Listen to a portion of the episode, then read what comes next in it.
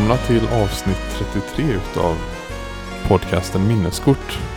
Ehm, Ja, det var ett tag sedan. Jag heter Dan och du heter Theo. Ja, hallå. Så saker är sig fortfarande lika. Ja, Ehm, Ja, det är ju eh, 13 mars idag. ja, Så vi satt här i eh, januari någon gång.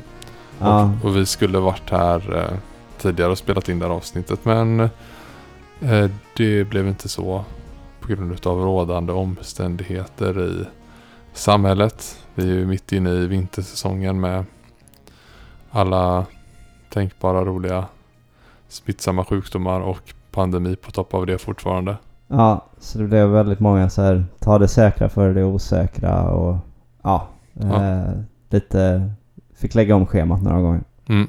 Och eh, vi är ju noga det här med att vi sitter och spelar in tillsammans och inte kör någon eh, svajig Discord Nej men det, det nu blir. det blir ju en helt annan känsla också. Alltså jag vet inte hur mycket vi pratat om den principen tidigare, varför vi inte gör det. För jag menar, det hade till exempel varit lättare att spela in oftare och, och fler avsnitt så. Mm. Men, eh, men någonting med det tycker jag i alla fall, det här med att det är helt annorlunda när man ser en person ordentligt och inte på det här liksom också lite halvfördröjda, ungefär bortkopplade zoom-aktiga så. Ja, det blir ju lite som en telefonintervju nästan. Ja, precis. Det är någonting med ja, att jag tycker det känns helt annorlunda att prata på plats. Ja, så är det verkligen. Eh, Och det hoppas jag också att ni lyssnare känner av om ni jämför med andra typer av format. eh, Men ja, har du hunnit eh, spela något eller? Ja, överlag har det väl hunnit hända massor antar jag. Ja. eh, sedan eh, vi senast gjorde det här. Eh, kan ju köra någon slags kort sån här inledning till ett nyhetsprogram ungefär när de droppar sina headlines. Ja. Nej men Louise som var med i ett par avsnitt och eh, även var med och skrev på den här tidningen Supergamer som ni kanske kommer ihåg som vi stora delar av den här podcasten har kretsat kring. Hon eh, gifte sig faktiskt i helgen, så det, eller inte helgen men förra helgen. Ja. Så det har ju hänt, det var kul. Eh, Ja. Först ut i redaktionen så fitt jag vet. Ja, Ja. Så är det. Eh, även fast många eh, utav oss är stadgade med eh, liten eller större familj, vad jag vet. Så är det väl ingen som orkat att gå till altaret. Nej, det känns, jag vet inte, känns det inte rätt svenskt liksom? Det är inte så, eller det är så mycket starkare det här med att sambo också är en grej liksom. Ja, det, Men ja.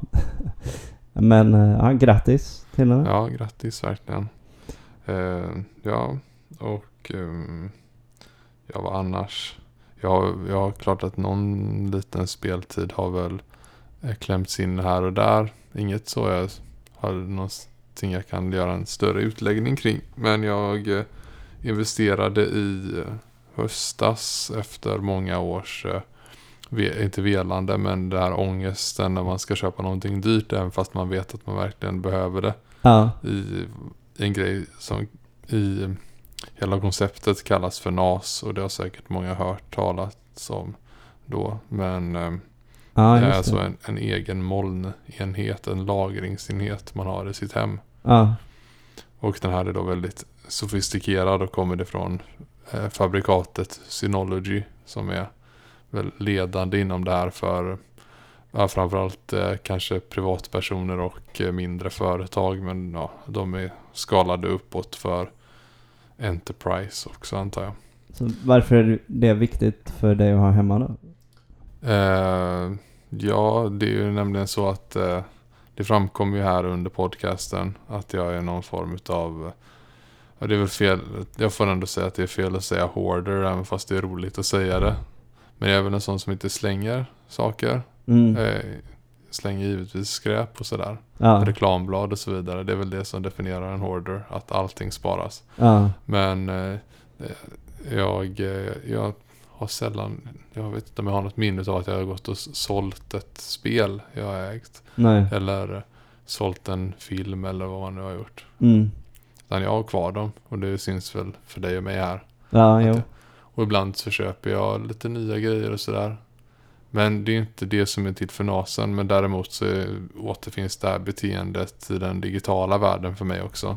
Ja, okej. Att eh, jag har väl sedan jag fick en egen dator någon gång i barndomen eh, sett till att alltid bevara mina filer. Ja. Eh, bilder, låtar, filmklipp och så vidare. Och de har liksom flyttats från dators hårddisk till hårddisk hela tiden. Ja. Först från disketter flytta över det när man fick en ny dator. Sen bränna ut på skivor. Och sen USB-minnen. Sen portabla hårddiskar och så vidare. Och nu vill jag bara liksom ha one storage to rule them all. Ja. Och det här är väldigt eh, perfekt för det ändamålet då. Den, det är ju som ett, vad ska man säga, den ser ut som en liten sofistikerad brödrost den här. Ja. Modellen heter DS 920 plus för de som är intresserade. Och den har alltså fyra fack. Och det var det jag menade med Brödrost. brödrost då. Fast det, de, den står ju inte med facken uppåt om man säger så. Utan det är på sidan. Ja. Så där kan man stoppa in hårddiskar för det följer ju inte med. Och det är Ah, också okej. en sån där dyr Mm. grej. Jag tror den här NASen i sig kostar eh, mellan 6 och 8 tusen. Och sen Ja. köpte jag diskar då. Jag har köpt två stycken nu. Eh, med 12 terabyte. Som är special eh, för det här. För NASar då ifrån Seagate. Mm. Iron Wolf heter modellen. Och de kostar också en sådär 4-5 tusen styck. Mm. Och de på det så kör jag då Raid 1. Nej det gör jag inte riktigt. Eh, Jag kör eh, Synologys egna koncept. Så man inte behöver sitta och göra sånt. Och vad, vad det betyder är att eh, de är speglade. Så att jag får redundans om, eh, en, om jag skulle få korruption eller Ah, skulle okej, krascha ja. hårddisken. Eh, så ligger det speglat på en annan. Och de här, det fina med det här då är att det hela tiden ehm, eh, det här är ju som en liten molnenhet då som är i sig en, en dator eller server. Eller vad man ska säga. Ja. Så den har ju hela tiden programvara som hela tiden eh, kollar av att diskarna mår bra. Ja, okej. Ja, men eh, Så det... ja, jag har jättemycket musik och allt möjligt som jag har Ja, sparat genom precis. Det, det har jag ju märkt ibland. Man, så här, vare sig det är att man hör från dig eller bara kollar på Discord att nu spelas. Eller Ja. så här. Eh, för, eh, ja i och för sig, det var ganska lång tid som man inte såg det. För du, eh, du är ju ganska old school och lyssnar mycket på via Winamp. Just det. Och det, länge stod det bara i Discord, spelar Winamp. Ja, precis. Men, Men nu har jag, man kan se ja, nu har jag löst det med ett sån här rich text format. Att jag, nu blir det som med Spotify. Att det, Ja, vilken lite, artist, vilken låt och hur länge låten har gått och sådär. det är lite roligare ja. Men alltså det är kul för eh, det här hur mycket förvaring du behöver. Och själv så hamnar jag i det här att eh, min eh, gamla hårddisk, inte solid state disk, Mm. eh, drogs fram ur något förråd. Eh, och nu har jag inte orkat ta ur den igen trots att jag skulle vilja det. Eh, för det var ju så här, jag märkte Ha, här ligger eh, du vet lite gamla eh, här, serier och, och låtar och den sortens grejer. Ehm, men det enda jag egentligen eh, tyckte var något värt, det var lite foton jag hade glömt att jag hade. Ja, Och utöver det så var det liksom det jag alltid sett till att spara från dator till dator har varit det är sånt som jag själv gjort. Alltså om jag har Mm. skrivit saker eller så här, arbete av något slag alls. Och det kan ibland till och med vara så här uppgifter man gjort på universitetet eller något. Det slänger jag inte. För där känner jag, har jag en gång gjort arbete så vill jag inte att det ska vara förlorat för alltid liksom.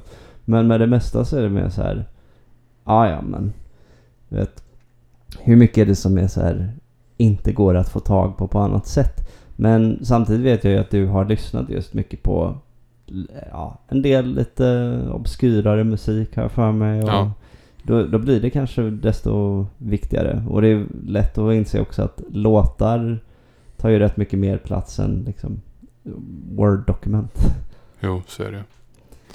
Ja, nej, men jag kan eh, liksom babbla på jättemycket om det där.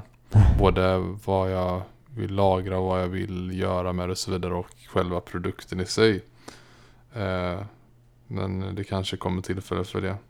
Annars så, det har varit, eh, du håller på att bli vår nu då i att, med att vi är i mitten av mars. Ja. Och det kommer lite mindre köldknäppar kanske då och då. Mm. Förra helgen där vid bröllopet så var det till exempel jäkligt kallt utanför rådhuset. ja, det var ju rätt oflyt då. Och så sen blev det så här en, två dagar utav någon slags slasksoppa i hela Göteborg. Ja. Där det snöade enormt mycket men det var för varmt för att det skulle liksom lägga sig och vara fint. Ja. Och så blev det varmt igen. Ja, det går lite fram och tillbaka.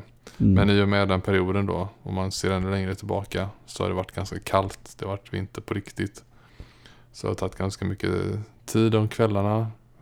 När jag fått det att kolla typ serier, dokumentärer, filmer och så vidare. Mm. Eh, om man kan ta upp någonting här så såg jag, eftersom det inte finns kvar hela tiden, eh, men på SVT Play såg jag en fyra delare tror jag det var. Mm. Eh, Helvete heter den. Norsk eh, produktion om hur eh, uppkomsten utav black metal Jaha, jo, den har ju Johanna sett nyligen Mm. tror jag. Mm. Men den kan man se även fast jag ser den för att jag gillar musiken. Eh, sen vet jag de som har sett den även fast de inte gillar musiken för att de är fascinerade kring all skit som hände Ja, kring det hela då. hon berättade lite ja. Det, Det var ju... Eh, det får man väl se. Men jag har alltid tyckt att imagen och eh, människorna runt omkring det, in- inte alla givetvis, det finns väl sunda individer där med. Men de som var liksom eh, stack eh, fram lite extra där. mm. Eh, liksom det är puckon och eh, de har jättefjantig image och sådär. Ja, Men då där kommer den här klassiska då, skilja på person och verk antar jag. ja. För att de har gjort riktigt bra musik då tycker jag. Mm. Eh, så nej, men jag har läst det för typ tio år sedan en bok också. Som jag har ute i bokhyllan. Jag kommer inte ihåg vad den heter nu. Det borde jag hasa mig upp och kolla här. Men den heter Blodeld död tror jag. Mm. Så svensk, två svenska författare. Eh, Ika Johannesson är en av dem som man har kunnat se på Kulturnyheterna på SVT bland annat. Ja. Ja, den är bra. Eh, också om man vill ha mer eh, insyn i vad som händer i Sverige också. Ja. Eh, men det är lite coolt det här med eh, bevara och sprida musik och sånt som vi snackade om nu tidigare. Den scenen där då att där var det ju någon slags underground-scen där man skickade kassettband över hela världen. Ja. Eh, det, det är rätt fascinerande. Ja, det... Ja, det, det närmsta vi kommit till något så uh, uråldrigt. Det känns nästan som det där brevet vi skickade till Nintendo nyligen då. Mm. Eh, Just det. Våra utmärkelser. Men nej, annars eh, allt vad snigelpost heter och, och just kassettband. Det är fildelning. Eh, nej, vänta. Vi kommer ju, alla som hängt med he, hela vägen känner ju till den här att SCART, det var ju the precursor Ja. till HDMI. Ja. Kassettband eh, över hela världen med brev, det kanske var the precursor till fildelning då. Ja, eller att man spelade in på videokassettband hemma hos någon. Och eh, eh, tog med sig till någon annan.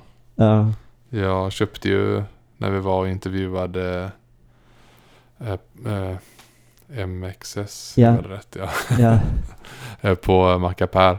Eh, en, en videos, VHS-spelare utav dem som jag kunde använda för att digitalisera videoband sen då. mm, Jag vet inte om jag nämnde det här i podcasten men eh, ett utav banden som var just att den eh, det var faktiskt Christian Hjertbergs eh, mamma som en hon, hon visste hur man kunde programmera videon för att spela in vid speciellt eh, klockslag då. Eh, Jag tror det var sån här gammal, du vet, Simbad eh, äventyren, en film som gick på ZTV Ja. mitt, mitt i natten riktigt bra grejer. med så här stop motion eh, monster och sånt. Ja, eh, den vill jag se. Och då sa han, inga problem, då fixar jag det. ja, så sa jag, vilket, som bara, vilket klockslag är det och vilken kanal? Och så sa jag det. Sen jag fick tillbaka bandet så fick jag liksom bara natt-tv från MTV. För att hon hade ju hört ZTV och eh, ja. Ja. Men det var, det var det är jag mycket gladare över idag då. Att Ja. få så här 20-21 år gammal MTV på ett eh, band. Vilka Ja. låtar var det? Vad var det som gjordes reklam för och så vidare. Ja, Så det var, ja, jag tror det var n- 99 var det ifrån. Det, det där är också en sån där rolig grej för att vi tänker ju eh, av förklarliga skäl bara att reklam är så mycket av ja, gissel liksom. Det är bara irriterande mestadels. Men ibland kan det ju vara det här att det finns en nostalgi i när man tittar på gammal reklam. Eh, alltså som om du såg på det bandet då. Eh, Mm. Men eh, det här dök upp, eh, snackade med mina syskon eh, häromdagen om när vi var i Italien. Jag var väldigt, väldigt liten själv eh, när det här eh, när vi var där den gången. Men, men då pratade de om att, ja men minns ni där hur mycket vi såg på reklam i Italien? Vi, det vi spelade in på band där, det var inte det som gick på tv. Vi spelade in reklamen. Mm.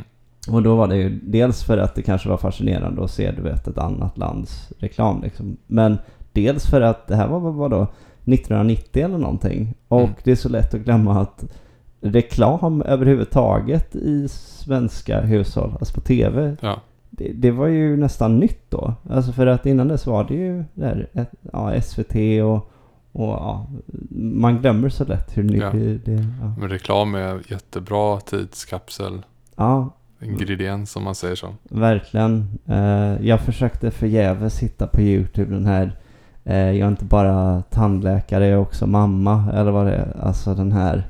Det, där kan vi snacka tidskapsel. Mm.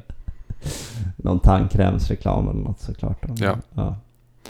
Eh, ja, annars så såg jag Mark Brown tweetade att han börjat använda en tjänst som heter Backlogged.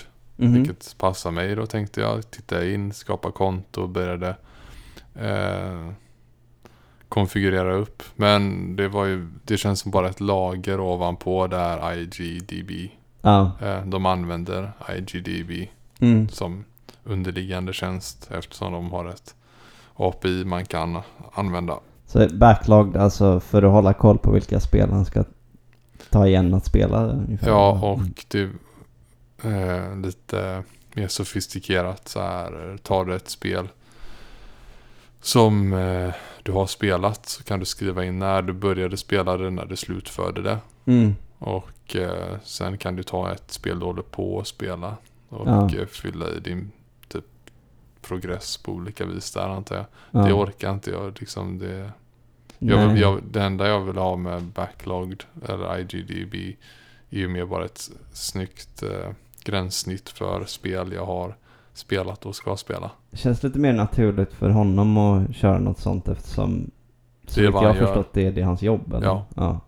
Så att eh, nej, det är väl eh, rimligt. Om man nu var eh, content creator, Mm. eh, vilket vi tekniskt sett är, fast you know, inte på så mycket av vad man kan kalla yrkesnivå. Nej. Eh, ja, men eh, just det, innan jag uh, tappar bort mig så ehm, jag såg ju till sist, eh, du, du gick igenom en del filmer för eh, några avsnitt sedan som du uh, betygsatte. Ja. Eh, och eh, lyfte fram en film som den bästa av dem. Ja. 1917. Ja. Och jag såg faktiskt den eh, igår kväll. Okej. Eh, tyckte den var väldigt bra. Eh, Ja. Otroligt så här, vad ska man säga, es- estetiskt snygg och sådär och eh, tekniskt jätteimponerande. Men, men också en väldigt så här gripande historia. Alltså det kändes, ja, jag skojar ibland på jobbet eh, och alla de andra också då eh, om att inom spel så finns det överanvända buzzwords som immersive och visceral, alltså det här att det är så Ja. inlevelserikt. Eh, men jag tyckte faktiskt de passade bra här eh, med hur de har filmat det och även liksom hur allting, Ja men det blir som att man är med i första person. ja. Att, att, ehm, det är ju, i alla fall till att börja med så följer man två personer. Mm. Och det känns ju som att man är den tredje personen med. Ja, exakt. Och, och jag kände verkligen att det här låter ju nästan konstigt när jag, när jag hyllar en, en film så, som ofta ses som ett mycket finare medium. Men på bästa möjliga sätt så tyckte jag det påminde mig ibland om ett tv-spel i att så här, på det sätt som du beskriver nu, att jag känner att jag är med i det liksom. Mm. Ehm, och eh, nej, men det, det jag, jag tyckte verkligen väldigt bra. Och, och sen roligt, för jag, jag har alltid det liksom när jag har sett en film och ja, så länge jag inte var helt likgiltig inför den så tycker jag det är kul att kolla lite forum, se vad folk har för åsikter. Och eh, jag såg någon recension som gick ut på att du vet, eh, ja men bara det faktum att den försöker vara så estetisk eh, liksom undergräver hela gestaltningen av första världskriget som ju var eh, ja, bara ond bråd död på fruktansvärt sätt liksom. Ja.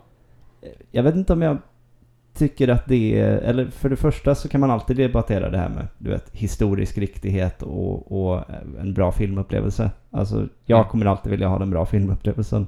Ja. Men för det andra så, alltså de skapar ju de här jättestarka visuella kontrasterna mellan den här liksom, äckliga gyttjan och råttor och lik överallt och sen då den här landsbygden som egentligen är där Ja. Innan kriget kom. Liksom. Eh, jag tycker rent av tvärtom att den kontrasten blir ju... Ja, Ja. nej, Ja. men, Ja, jag blev lite så här.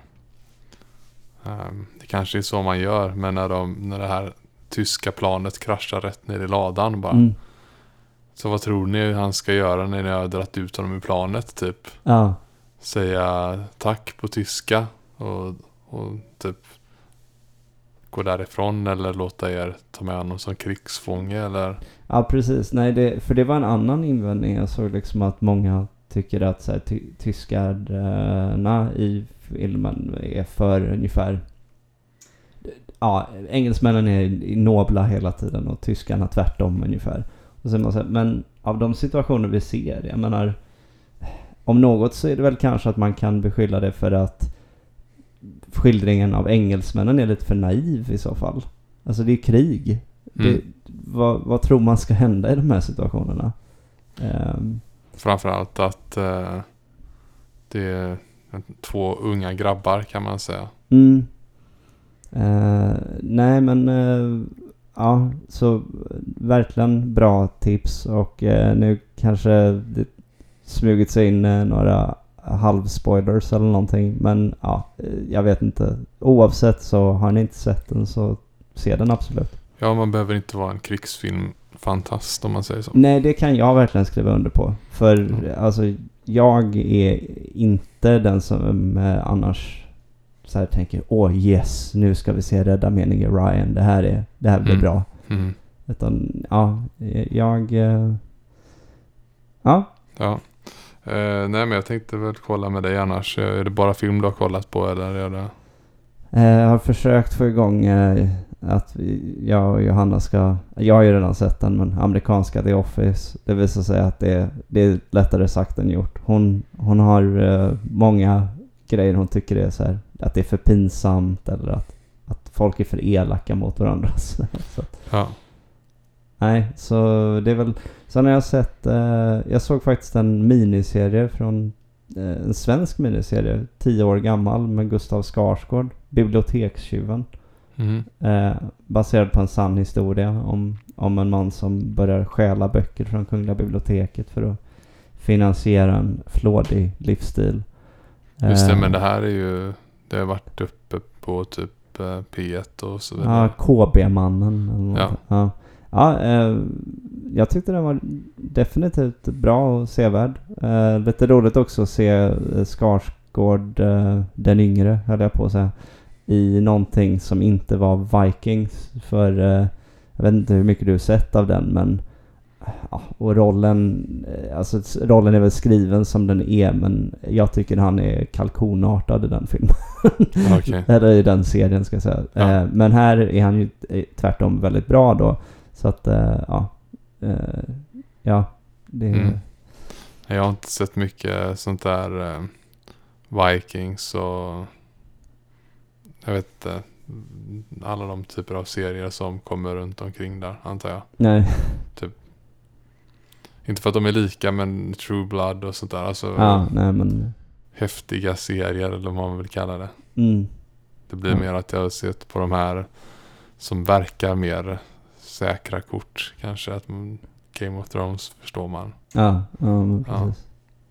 Ehm, ja. Vad har hänt annars under tiden då? Daft Punk har lagt av. Just det. Eh, ja, vilket också blev lite så här. Ja, jo, men ni har väl liksom. Vad har ni gjort de senaste sex åren då? Ni har, Inget. sju år. Bidragit till någon låt av The Weeknd eller vad det var. Ett par stycken. Jag menar. Ja, jag, ska inte, jag, ska inte låta sån i och för sig. Jag, jag tycker kanske den viktigare insikten där är att det var värsta grejen såklart då. Eh, samtidigt som Daft Punk har ju alltså bara gjort fyra album om jag förstått det rätt. Eller möjligen fem Ja. om man räknar Tron-soundtracket. Ja, just det. Homework, Discovery, eh, Human After All och uh, Ram-skivan. Ja. Och så är det de här eh, Alive-grejerna då. ja.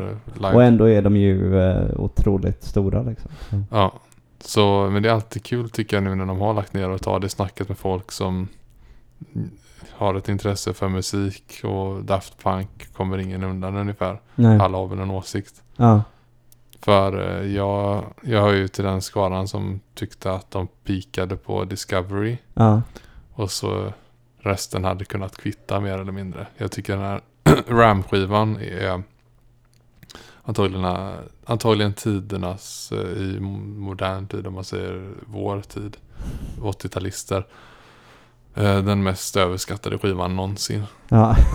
Den är eh, så här, för mig den tillförde ingenting. Det var kejsarens nya kläder Ja. på alla sätt och vis.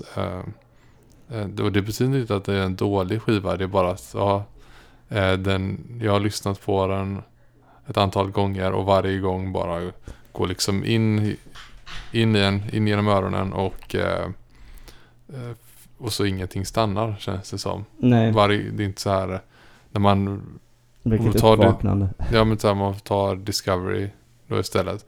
När man börjar gilla låtarna där, där det blir som, eller vad som helst att eh, nu kommer det här, det här är så jäkla nice tänker man i den här låten. Ja.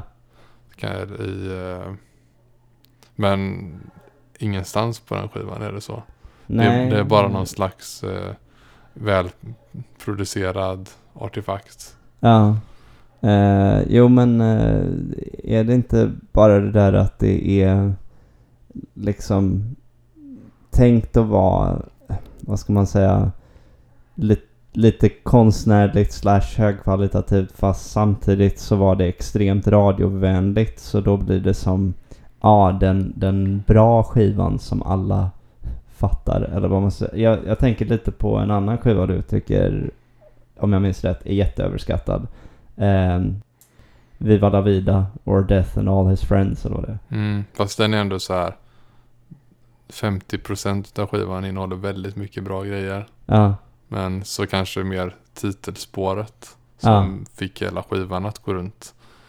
Har jag inget speciellt för. nej okej. Ja men, eh, nej för annars är det eh, också lite det här att det, ibland så blir det liksom konsensus kring att någonting är stor konst liksom. Samtidigt som det råkar vara det mest populära på radio också. Och då har Ja. du ju receptet på eh, överskattat.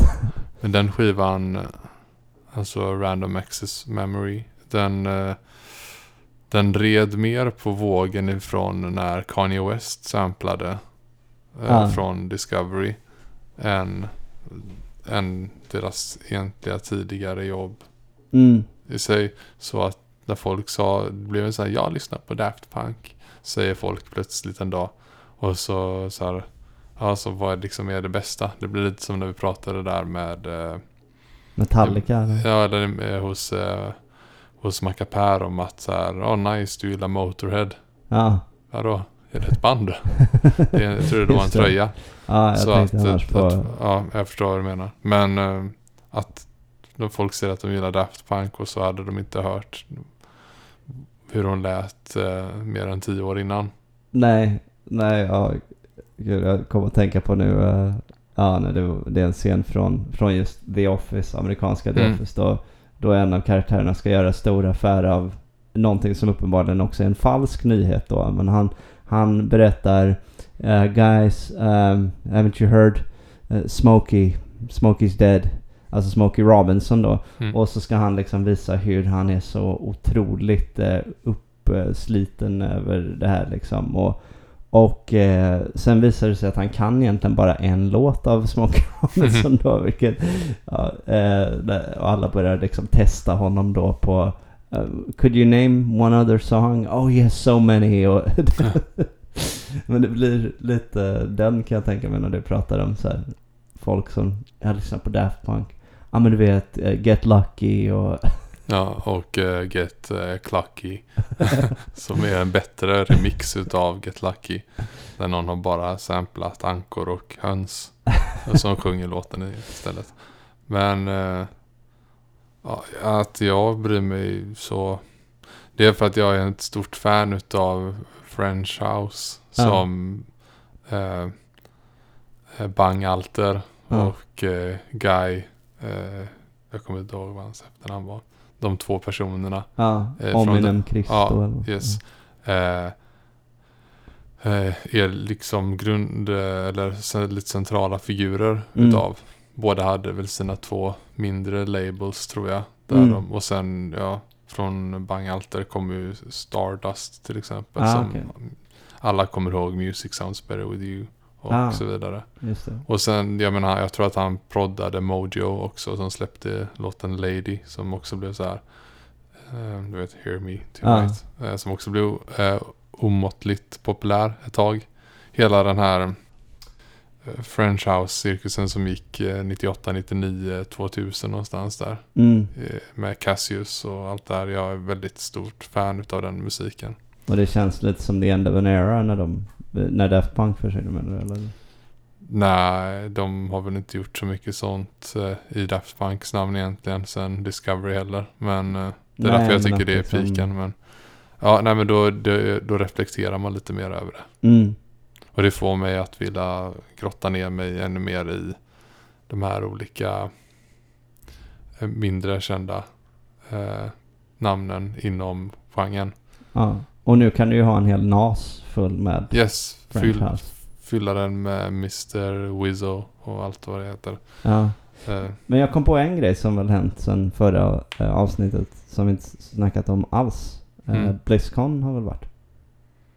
Eller någon variant på det. De, Ja, just det. det. Och jag har inte brytt mig alls egentligen. Men det har varit. Och de visade Men det- upp lite... Vadå, är du inte det minsta sugen på Diablo 2 Resurrected?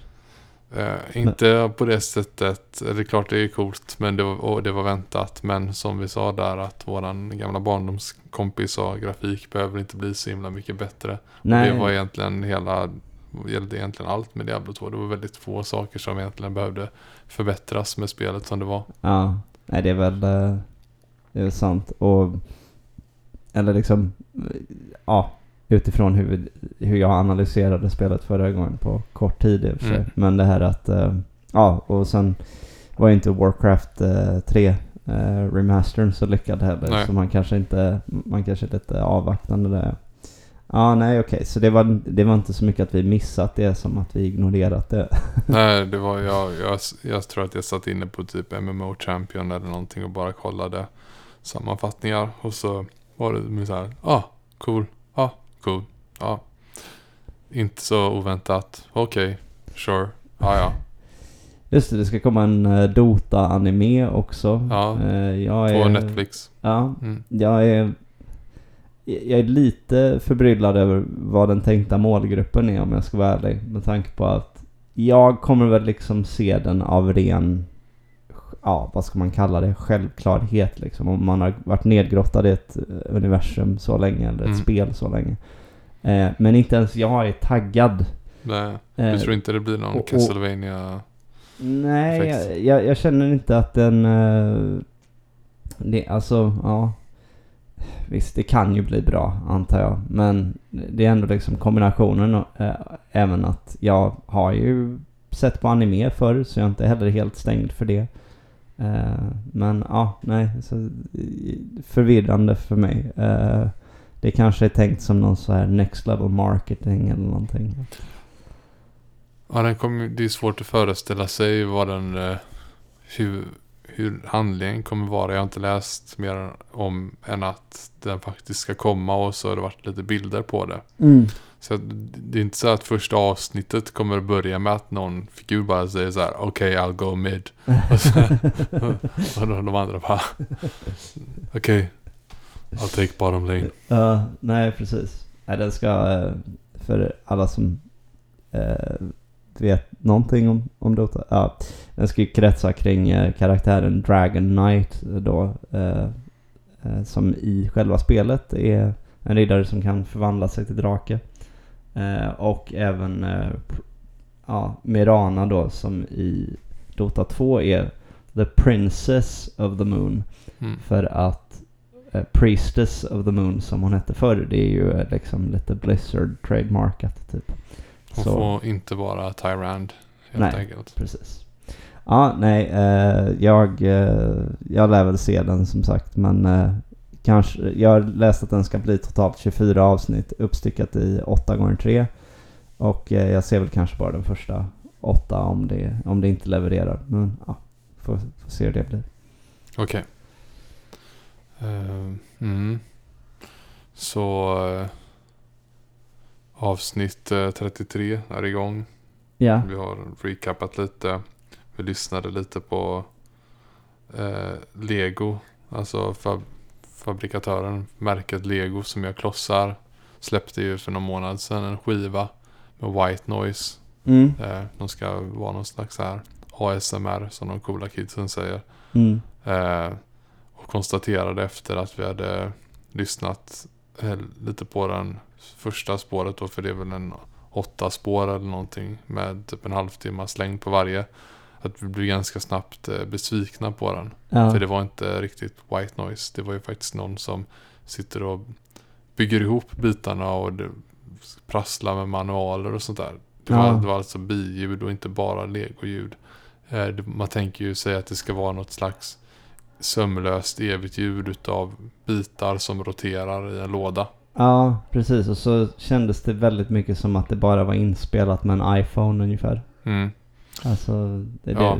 ja. På tal om dåligt ljud, jag kom på att jag borde ha stängt dörren till rummet här vi sitter nu. Om det ni hör ljud i bakgrunden så är det för att jag drog igång en diskmaskin innan podden. Så ursäkta.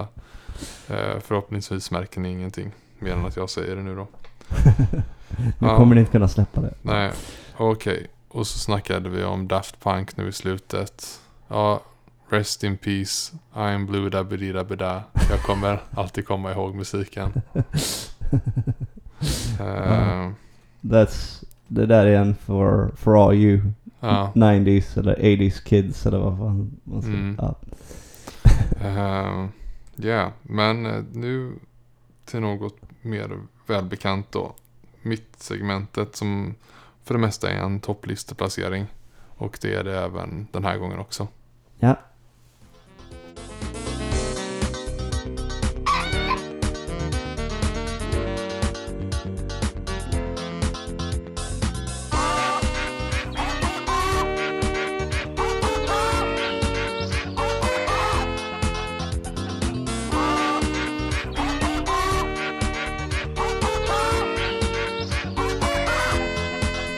Okej, så topplistorna fortsätter.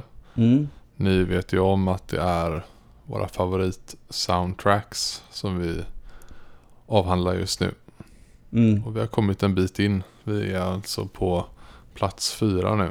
Så nu börjar det dra ihop sig snart. Mm. Ja, eh, Sven Nylander-platsen alltså. För de som följde friidrott eh, Yes. under typ Ja. 90-talet. Häcklöparen. Ja, som alltid kom fyra. Han kom säkert bara fyra en gång, men det var ändå en sån här grej som var fastbränd i mitt. Mm, nej men det var nog fler gånger än så. Det borde vi kunna kolla upp. För det var nämligen något som min mamma också alltid påpekade. Ja, men det, Det, två, två hushåll kan inte ha fel. Men hur som helst så eh, ska Theo nu här eh, fortsätta att berätta om vad som kommer på fjärde plats för honom. Men eh, om du har så bra minne så kanske du kan droppa placeringarna innan. Ja. Eh, Nu var det ändå ett tag sedan. det, tionde plats var Sonic 2 till Sega Mega Drive. Sen var det Donkey Kong Country 2 till SNES. Eh, Final Fantasy 7 eh, till Playstation 1. Sen var det Castlevania Bloodlines till Sega Mega Drive. Sen Warcraft 2 till PC och tekniskt sett Playstation då, men ja, det spelade jag aldrig. Mm. och sen eh, Super Mario 64 till Nintendo 64. Ja, Eh, och nu är vi alltså framme vid fjärdeplatsen. Eh, och då har jag valt Street Fighter 2.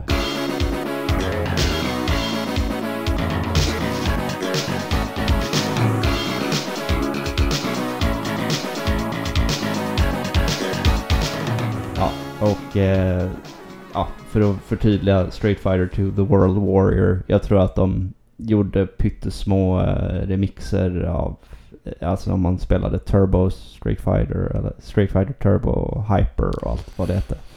ja det blir väl eh, vad som varierar mest där är väl egentligen antalet och vilka figurer man kan slåss. Ja, Nej. precis. Och eh, det här var, ja, innan jag går igenom lite så, så kan jag säga också att det var lite svårt när jag skulle välja här mellan just Street, eh, Street Fighter 2 och Super Street Fighter 2. För att det kommer ju några nya themes i Super. Mm. Och jag tycker visserligen om till exempel DJs theme och Camis theme. Mm. Men jag gillar inte ljudbilden riktigt lika mycket i det spelet överlag. Alltså hur, du kan sådana musikaliska termer lite bättre Ja. men liksom eh, tonen på remixerna där. Ja. Eh, utan de, de pikar tycker jag i den här original SNES-versionen. Hur som helst då, så eh, ja, när jag kände det att Capcom under sent 80-tal och tidigt 90-tal kunde lika gärna ha släppt CD-skivor istället för tv-spel. Jag har sett sådana där, du vet, YouTube-kommentarer ibland som går ut på eh, This soundtrack came with a free game. Mm. Eh, och så kan jag verkligen känna med, med Street Fighter 2. Eh, det är liksom, om man tar ett soundtrack där jag ser det som att Giles theme inte ens är höjdpunkten liksom. Och då snackar vi verkligen ett sånt här som, ja men alla eh, har väl hört det nu, Giles theme goes with everything. Ja. Eh, nej, jag, jag minns så väl alla gånger jag har hört Ryus theme genom åren, för det var alltid den jag spelade med eh, back in the day. Och eh, spelade ju mycket Street Fighter 2 när jag var väldigt liten, alltså kanske sex år eller någonting för att jag hade spelat det på arkad i Italien och sen hade vi skaffat det till SNES och vi spelade det jämt. Och eh, jag fick ju smygspela det med mina bröder för att eh, eh ja, mina, jo min syster och min mamma var inte sådär jätteförtjusta i hela det här inslaget med att eh, karaktärerna kräktes blod och sånt när de fick spö. Mm. Och kanske inte det här med att man skulle sparka och slå varandra heller då. Eh, men ja, det är som sagt smögs in väldigt många spelsektioner. Eh, och ja, Reuse theme är ju som sagt en sån Balrogs theme. Eh, eller Vegas theme. Ja, Sa- Sagats. Eh, alltså alla de här eh, där när man liksom gick igenom bossarna och sådär. Jag skulle kunna räkna upp de flesta i det här soundtracket egentligen. Men precis som på ett grymt album så känns det här som att lågvattenmärkena är ändå hyfsade på det här. Mm. Eh, medelnivån är jävligt bra och topparna är helt magiska. Alltså. Så att eh, nej, det, det, får, eh, det, det får fjärdeplatsen för mig. Ja. Helt förståeligt. Mm. Ja, våldsamt spel för en sexåring. Se Ja. hur hemskt du blev sen. Ja, precis. Det var... eh, Det, det, exakt. Nej, jag vet inte hur man ska se på det där med... eh, Det är väl en naturlig reaktion. Så tänker jag som förälder nu att jag, eh, jag introducerar ju lite sånt mm, spelelement. mm, Och jag tycker inte vara någon sån här, vad ska man säga, frikristlig eller vad man nu, eh, frireligiös. Mm. Som var någon galen knäpp och, och eh, vad är det hon heter i Simpsons? Eh, som alltid skriker Think of the children. Ja, Alltså, just det. Lovejoys. Eh, just det, ja. eh, Edna Lovejoy? Nej, det är Edna Krabappel i alla fall. Ja. Så det är, ja, men vi kommer inte ihåg. någon, ja, det är Lovejoys eh, fru helt enkelt. Ja, Sån moralpanik har jag ju inte. Eller vad man vill kalla det kring spel. Men ja, jag tror inte Street Fighter är det första jag skulle introducera heller. nej. Men jag tror inte... Ja. Sitter man där i sällskap av sina äldre brorsor och de slåss, inte slåss med varandra efteråt att de har spelat det. Så Nej, precis. Och sen så kanske det, jag menar, det var väl säkert bra liksom då att eh, mamma och min syster hade lite den här reaktionen att men det här är ju hemskt och man slåss och du måste fatta hur, hur eh, ja så här gör man inte. Och, eller mm. i, ibland kan det också bara vara den där feedbacken att eh, ja, ja, nu, nu spelar du det här men det är inte bra ungefär. Ja men åter till musiken då. Det är good stuff som du säger. Mm. Eh, och eh, det här med att, eh, att det är som en skiva med ett spel till. Mm. Det är ju svårt att veta egentligen nu. Man kan väl säga att den mest framträdande kompositören bakom borde vara Yoko Shimomura. Ja. Och även då Isao Abe. Mm. Som, som är just i det här fallet kring Street Fighter 2-delen Mm. då. Sen finns det ju fler titlar i serien. Men det är oftast de som nämns. Eh, men sen finns ju det här inhouse-bandet då som Capcom hade, Alf Laila. Mm. Som också står krediterade. Det är svårt att veta. Jag, jag ska ta mig tiden som jag sa till dig tidigare idag. Att sätta mig ner och bena ut vem har komponerat eh, vilket tema egentligen. Mm. Ehm, för det vore kul att veta. Eh, men på tal om Alf Lyla då, så de släppte ju som jag tror heter Image Album eller någonting. Början av 90-talet. Mm. Där blir det ju, där är det ju spelat med riktiga instrument då. För att de är riktiga musiker eller instrumentalister. Mm. Och det är ett toppenbra album.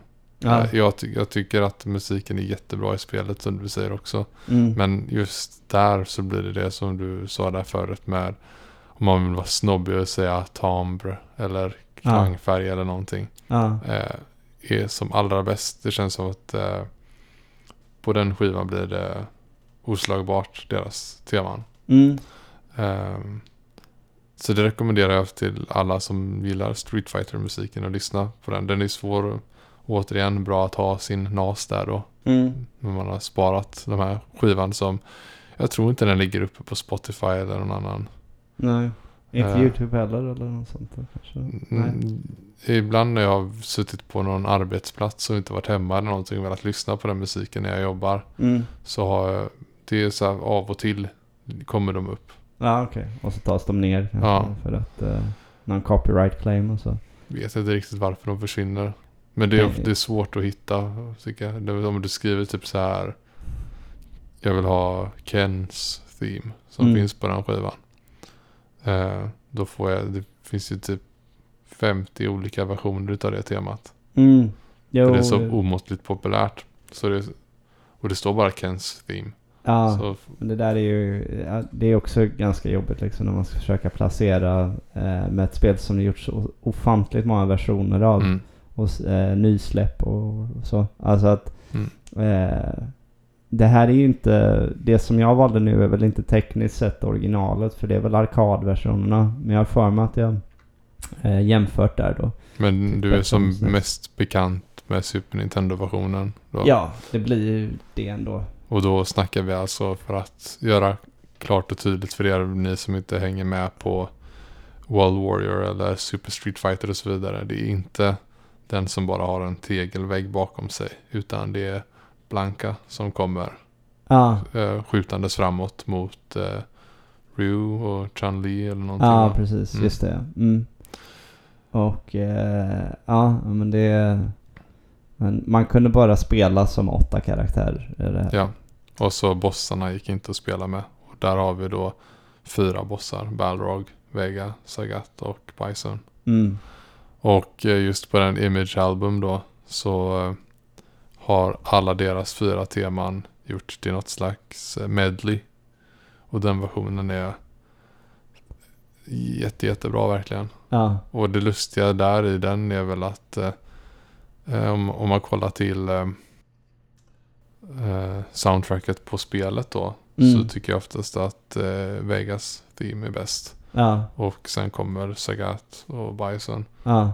Och sist Balrogs där. Ja. Men i det här medlet så är det då Balrogs som är absolut bäst. Ja, okej. Ja, men det är kul. Jag, ja, det, det, vi har nog en annan ordning där, men ja, det, det är kul hur de kan variera på det sättet. Mm. Beroende Eh. på arrangemang. Ja, Mm. ja men eh, det är... Nej, det, det är väldigt... eh, Alla låtarna är liksom väldigt minnesvärda, så känner jag. Ehm, och då har jag inte ens heller tänkt lika mycket på så här character select och Som också är bra. Ja, och bara många sådana där... Vi lyfter ju oftast fram liksom själva de ordentliga låtarna. Men, eh, men även sådana här trudelutter eller vad man ska kalla det. Alltså Street Fighter, Street Fighter 2 så här versus eh, eh, trudelutt, den här som är när man ser vilka två som kommer möta varandra. Mm. Den är ju så alltså betingad i Mm. huvudet verkligen tycker jag. Eh, och ja, det var extra roligt när Family Guy någon gång eh, drev med Street Fighter 2. Eh, då, då körde de just det där att, ja, jag tror Peter Griffin utmanar eh, tvätt, eh, kemtvättkillen eller något. Ja, just det. Men eh, ja, det är um, en grej eh, också generellt kring spelet. För det kom ju inte med på några eh, spellistor för oss. Alltså eh, toppspel of all Mm. time. Eh, eller hur? Street Fighter? Uh, Street Fighter 2. Nej. Eh, ingen av oss hade med det. Så att det, eh, om, om man bara snackar snabbt om själva spelet också så Alltså jag tycker nu skulle ju många säkert påpeka hur schablonartade eller stereotypa eh, karaktärer det är liksom. Eh, någon yogi eh, och någon brottare och alltså sumobrottare och eh, rysk eh, björn kä- utmanande brottare. Ja, hur som helst så. Men jag tyckte det var en väldigt cool grej i Street Fighter när man spelade som liten där att ja men nu är man, nu är man eh, i Brasilien och nu är man i USA och nu är man i du vet, Mm. Japan. Alltså att det var väldigt mycket flavor tycker jag i att man hade de här helt olika miljöerna. Och banorna i sig var ju, alltså det var ingen skillnad, det var ju bara backdrops. Ja. Eh, men det gjorde mycket ändå tycker jag faktiskt. Absolut. Ehm, så, nej, kul med det. Mm. Ehm, men ja, vad har du... eh, vilken är det, vilket spel är det som precis missar pallen för dig då? Ja, det skulle man väl kunna presentera alldeles snart. Jag ska väl också nämna mina föregående spel då. Ja. Så från 10 och framåt har vi Theme Hospital. Eh, och eh, så har vi Pokémon, första generationen. Sen var det Blue Shadow, eller Shadow of the Ninja, hur man nu vill kalla det. Pilot Wings 64. Banjo-Kazooie. Och precis som dig då, Super Mario 64. Just Som vi pratade om förra avsnittet. Och på fjärde plats kan man kalla eh, det spel som kommer för mitt absoluta feelgood soundtrack. Och det är ett spel jag har pratat om ett par gånger tidigare, nämligen Diddy Kong Racing.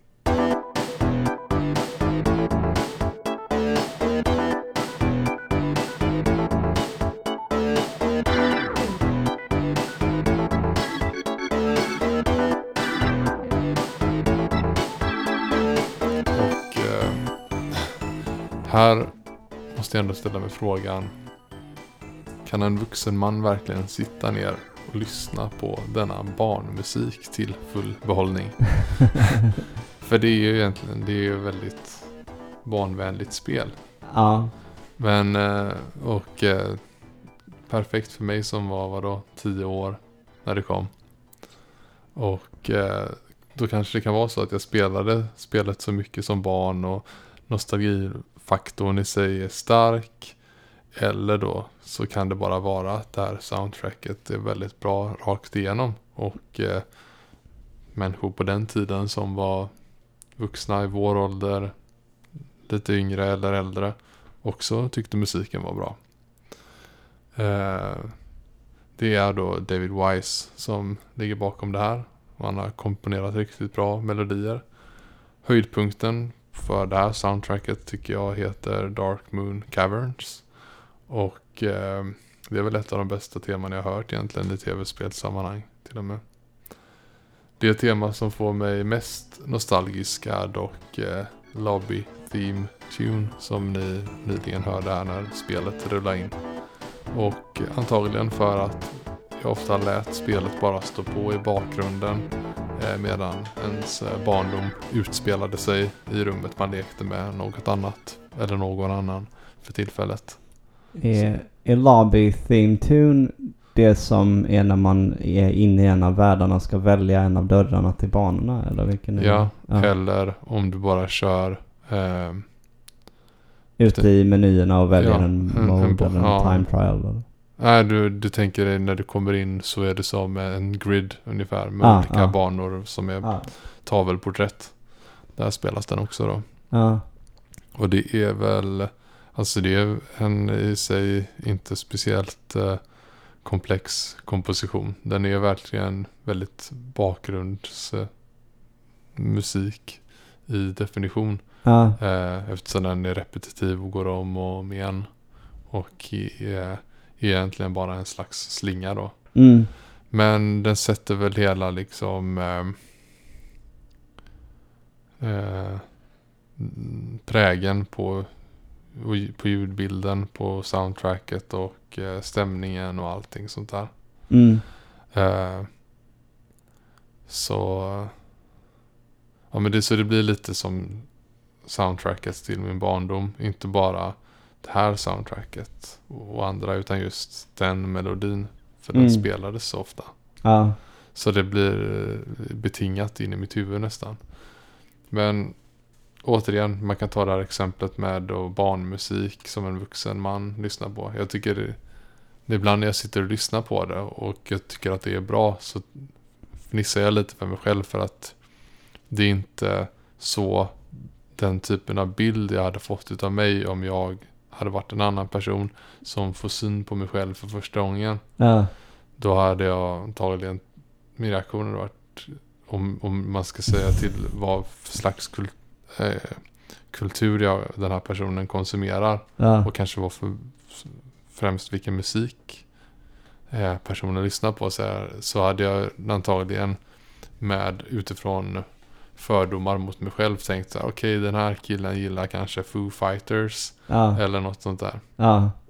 Och eh, ja, men det är något mer rockigt. För att jag ofta har kanske skäggstubb eller sparat ut skägget lite. Ja. Går så gott som nästan alltid i flanellskjortor Ja. och en trucker-keps. Ja. Och det har jag gjort sen urminnes tider egentligen. Ja. Skägget är väl egentligen det senaste eh, som kommit med åren. Men det har jag också haft länge, sen tonåren. Ja. Så, och det är egentligen en felaktig bild. För Ja. jag lyssnar inte på Foo Fighters. Eh, Jag, jag lyssnar ingenting på grunge eh, av, om man tänker på Dave Grohl då. Ja. Jag lyssnade faktiskt lite förra veckan eh, på några Nirvana-låtar. Ja. Och jag kände bara så här. Det är ingenting för mig. Nej. Och eh, visst, Foo Fighters är inte grunge. Men det är fortsättningen utav Dave Grohl då. Ja. och Queens of the Stone Age och allt sånt där. Eller om man vill gå djupare in mot eh, Clutch eller något sånt där om man ska prata stoner rock. Ja. Det är inte heller min typ av musik. Alltså jag har inget emot det och det är gött att ha i bakgrunden när man är på en förfest eller något sånt där. Mm. Men jag går väl uppenbarligen ofta klädd som... eh, Jag ofta... Min filosofi med kläder är väl att jag klär mig funktionellt. Mm. ty- Jag har alltid tyckt att flanellskjortor sitter på skönt. Cargo pants är också skönt tycker jag. Mm. Och trucker keps har alltid varit liksom den skönaste kepsen att ha på sig. Ja. Eh, men på insidan så var jag någon annan då. Jag lyssnar på spelmusik som är jätteglad och eh, någonting helt annat. Men jag lyssnar givetvis på massa annat också. Vi pratade ju om black metal till exempel. Men eh, så det är lustigt att eh, kanske att en vuxen man lyssnar på sånt som hans barn egentligen hade kanske lyssnat på. Men jag kan inte släppa det. Jag tycker att att all musik nästan utav David Wise och folk kretsande kring honom. Allt det är liksom det, det talar liksom eh, djupare in i mig än vad mycket annan musik kan göra. Ja. Och jag kan inte släppa det liksom. Jag tycker Nej, det men- fortfarande är så jäkla bra. Men det är väl liksom, det, det är väldigt, som du säger, det är väldigt feel good. Det är väldigt eh, glatt. Eh, men det är ändå inte bara, alltså det, det är samtidigt tillräckligt kompetent och komplext. Alltså om man vill ha, om man vill ha det djupet i låtarna. Det, alltså det är lätt att tänka så här. Jaha, du lyssnar på det barnsliga soundtracket till Lily Con Racing säger vi. Och så är det någon som ungefär undrar, ja lyssnar du på Smurfits också? Eller du, du fattar så här. Exakt. Eh, Att det Och- kan lätt bli den konnotationen. Men det är ju det är så fel. Precis, det, blir, det där blir det här algoritmhjärnan du vet. Ja. Theo, du gillar Håkan Hellström. Ja. Vi vill rekommendera dig Magnus Uggla. Ja. Vet, så. Ehm, så, och precis, Smurfits.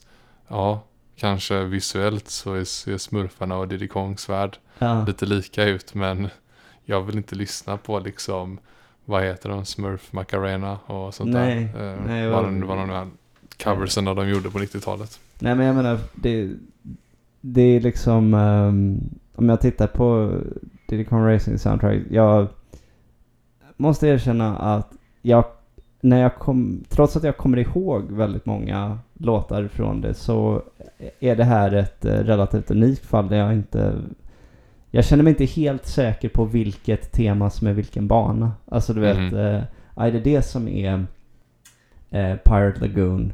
Eller är det Crescent Island? Mm. Eller Whale Bay? Ja, ja nu kommer jag inte ihåg. Ja, du vet, den Ja. sortens grej. Jag tror det är Pirate Lagoon. Jag tycker det är kanske soundtrackets höjdpunkt.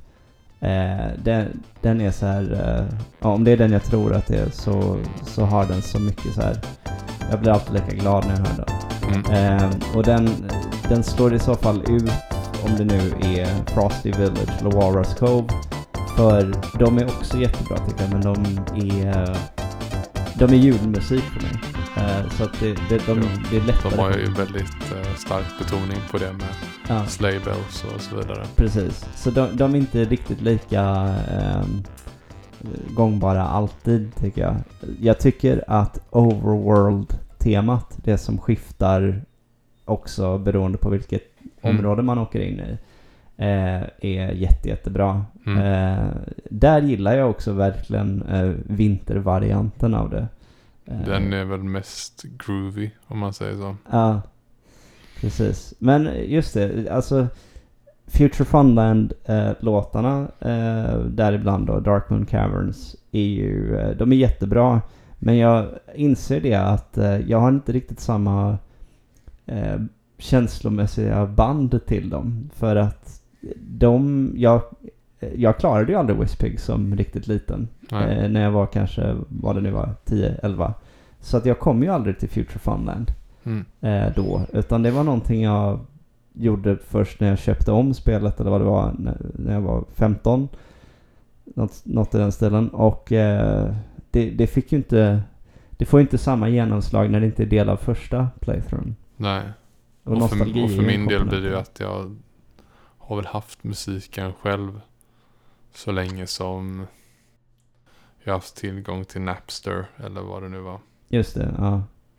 Den, den kallas credits ibland också, Dark Moon Caverns. Ja, och det gör ju även eh, den som går för eh, om det är Crescent Island eller om det är eh, Ja, just det. Treasure. Nej, vad är den? Ja, jag har glömt vad fjärde vattenbanan heter nu. Mm. Det borde man ju kunna efter. Men det är någonting med Treasure Island eller någonting. Ja, Eller nej, Crescent Island. ja Eller- precis. Det, det är något åt det hållet. Något åt Trove Cove hållet. Men jag, Ja. Pirate Lagoon, Whale Bay. ska vi kolla Ja. upp det? Du får prata så länge. Eh, ja, nej, för man blir förvirrad här också. Bunny Katsuis, Treasure Trove Cove. Eh, och eh, ja, det de, de eh, återanvänder ju vissa sådana här namn antar jag. Men ja, Rare. Treasure Caves heter den ja. Aha, ja. Så nästan. nästan ja.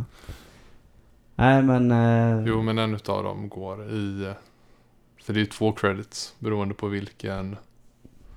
Eh, jag tror Just det, ja, efter första Wisbig. Och andra och Wisbig. Ja, sådana staff roll helt enkelt går då.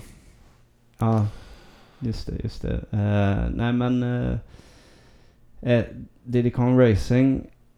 Undrar om inte. Är det eh, det spel som.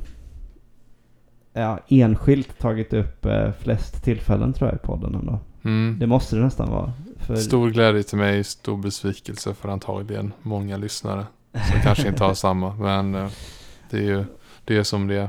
Ja, nej men eh, jag... eh, eh, För just andra grejer har kunnat komma upp jätte, jättemycket. Men då har det kanske varit Zelda eller Mm.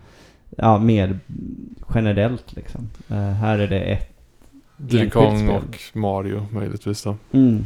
Eh, nej, för ja, jag tycker verkligen att det är ett, ett otroligt bra soundtrack och ehm, ja, alltså det är ännu, ännu ett bevis på hur eh, duktig David Wise är. Eh, Ja, eh, Kommer du ihåg?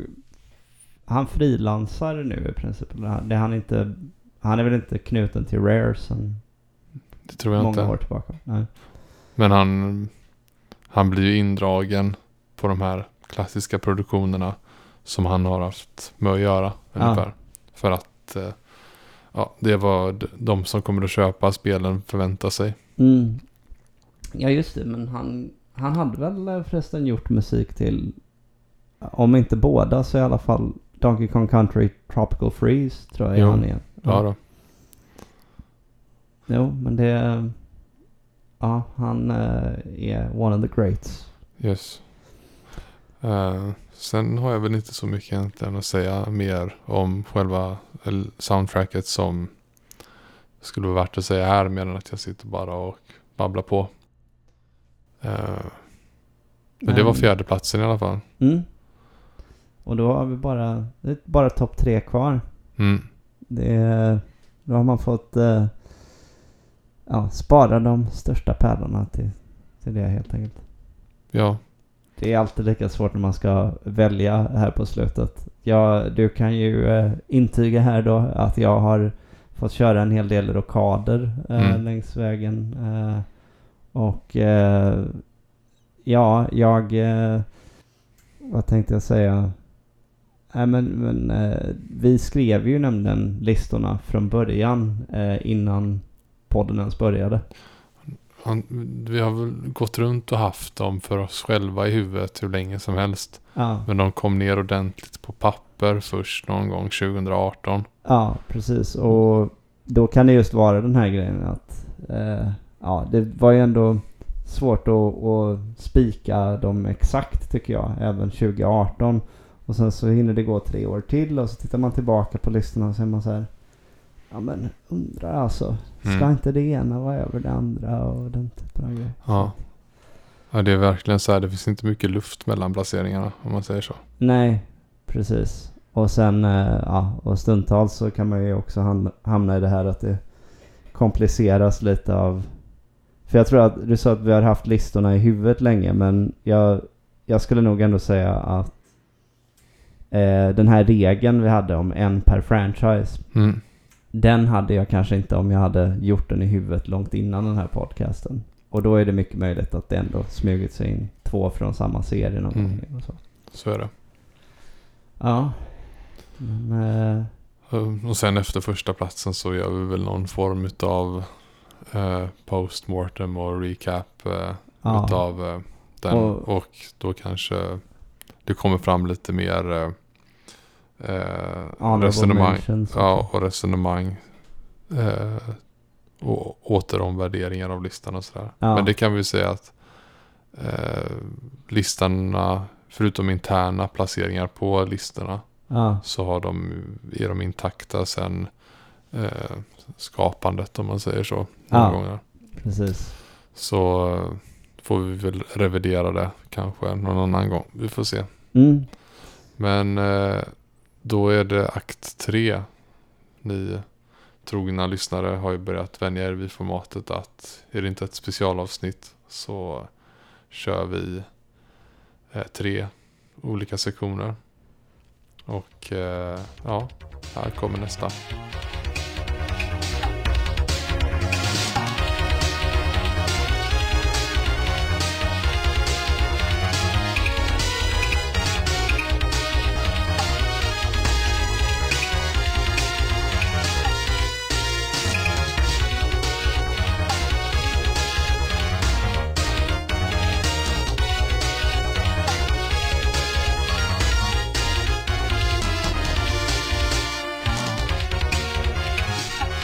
Senaste tiden så har ju tredje sektionen, eh, akten eller vad man än vill kalla det, eh, oftast eh, präglats av någon form av ämne eller fundering vi har haft kring någonting.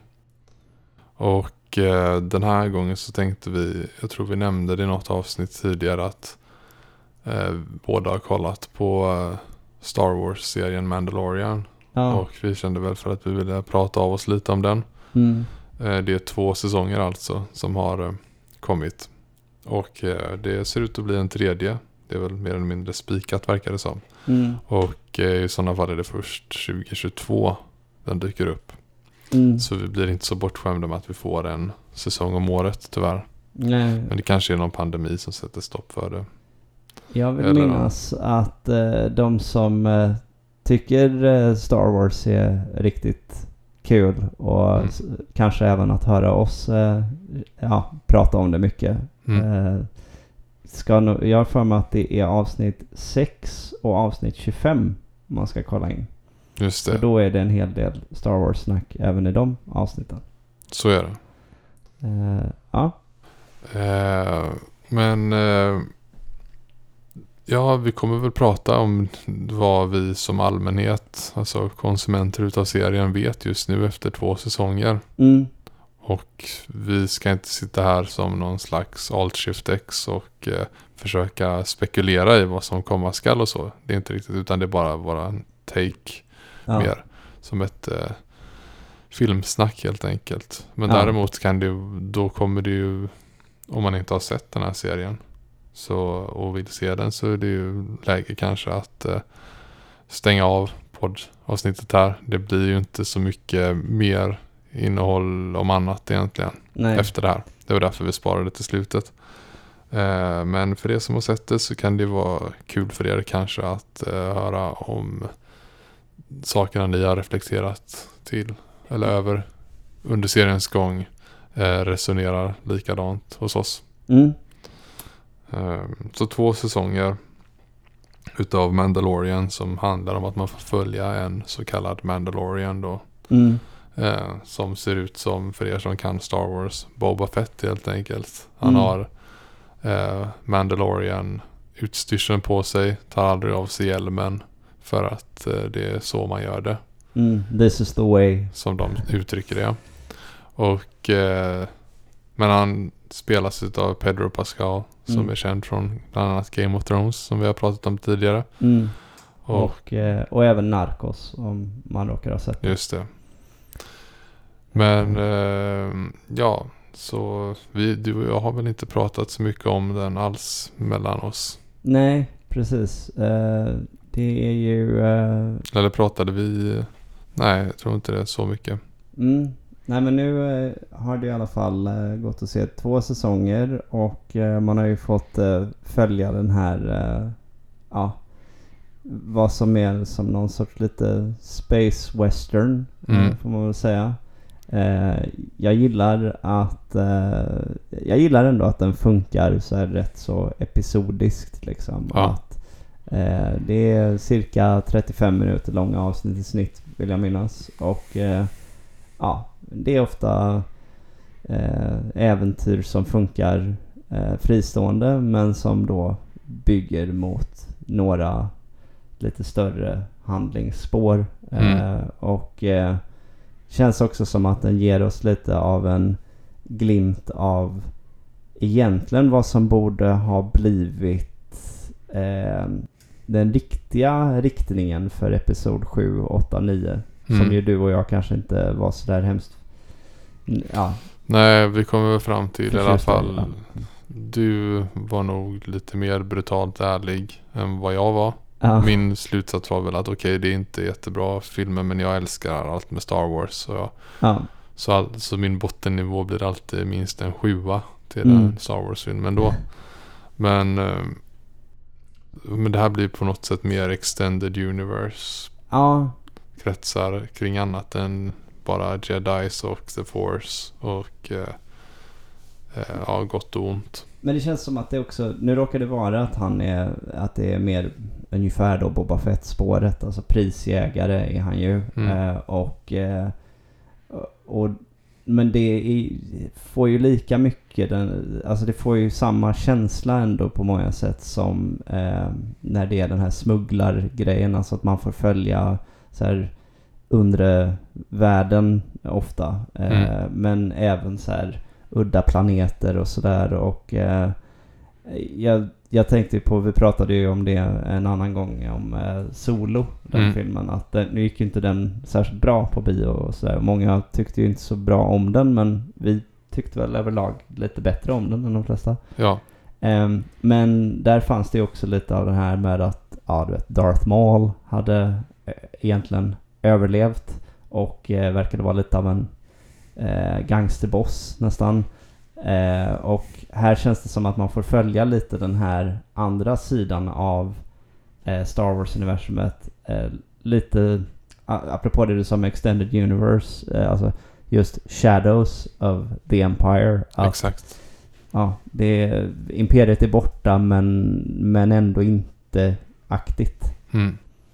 För det är ju nästan det man vill ha mest eh, side stories som utspelar sig i parallell timeline då med eh, originalfilmerna. Ja, Och det här blir ju strax efter originalfilmerna då. ja, Eller hyfsat strax.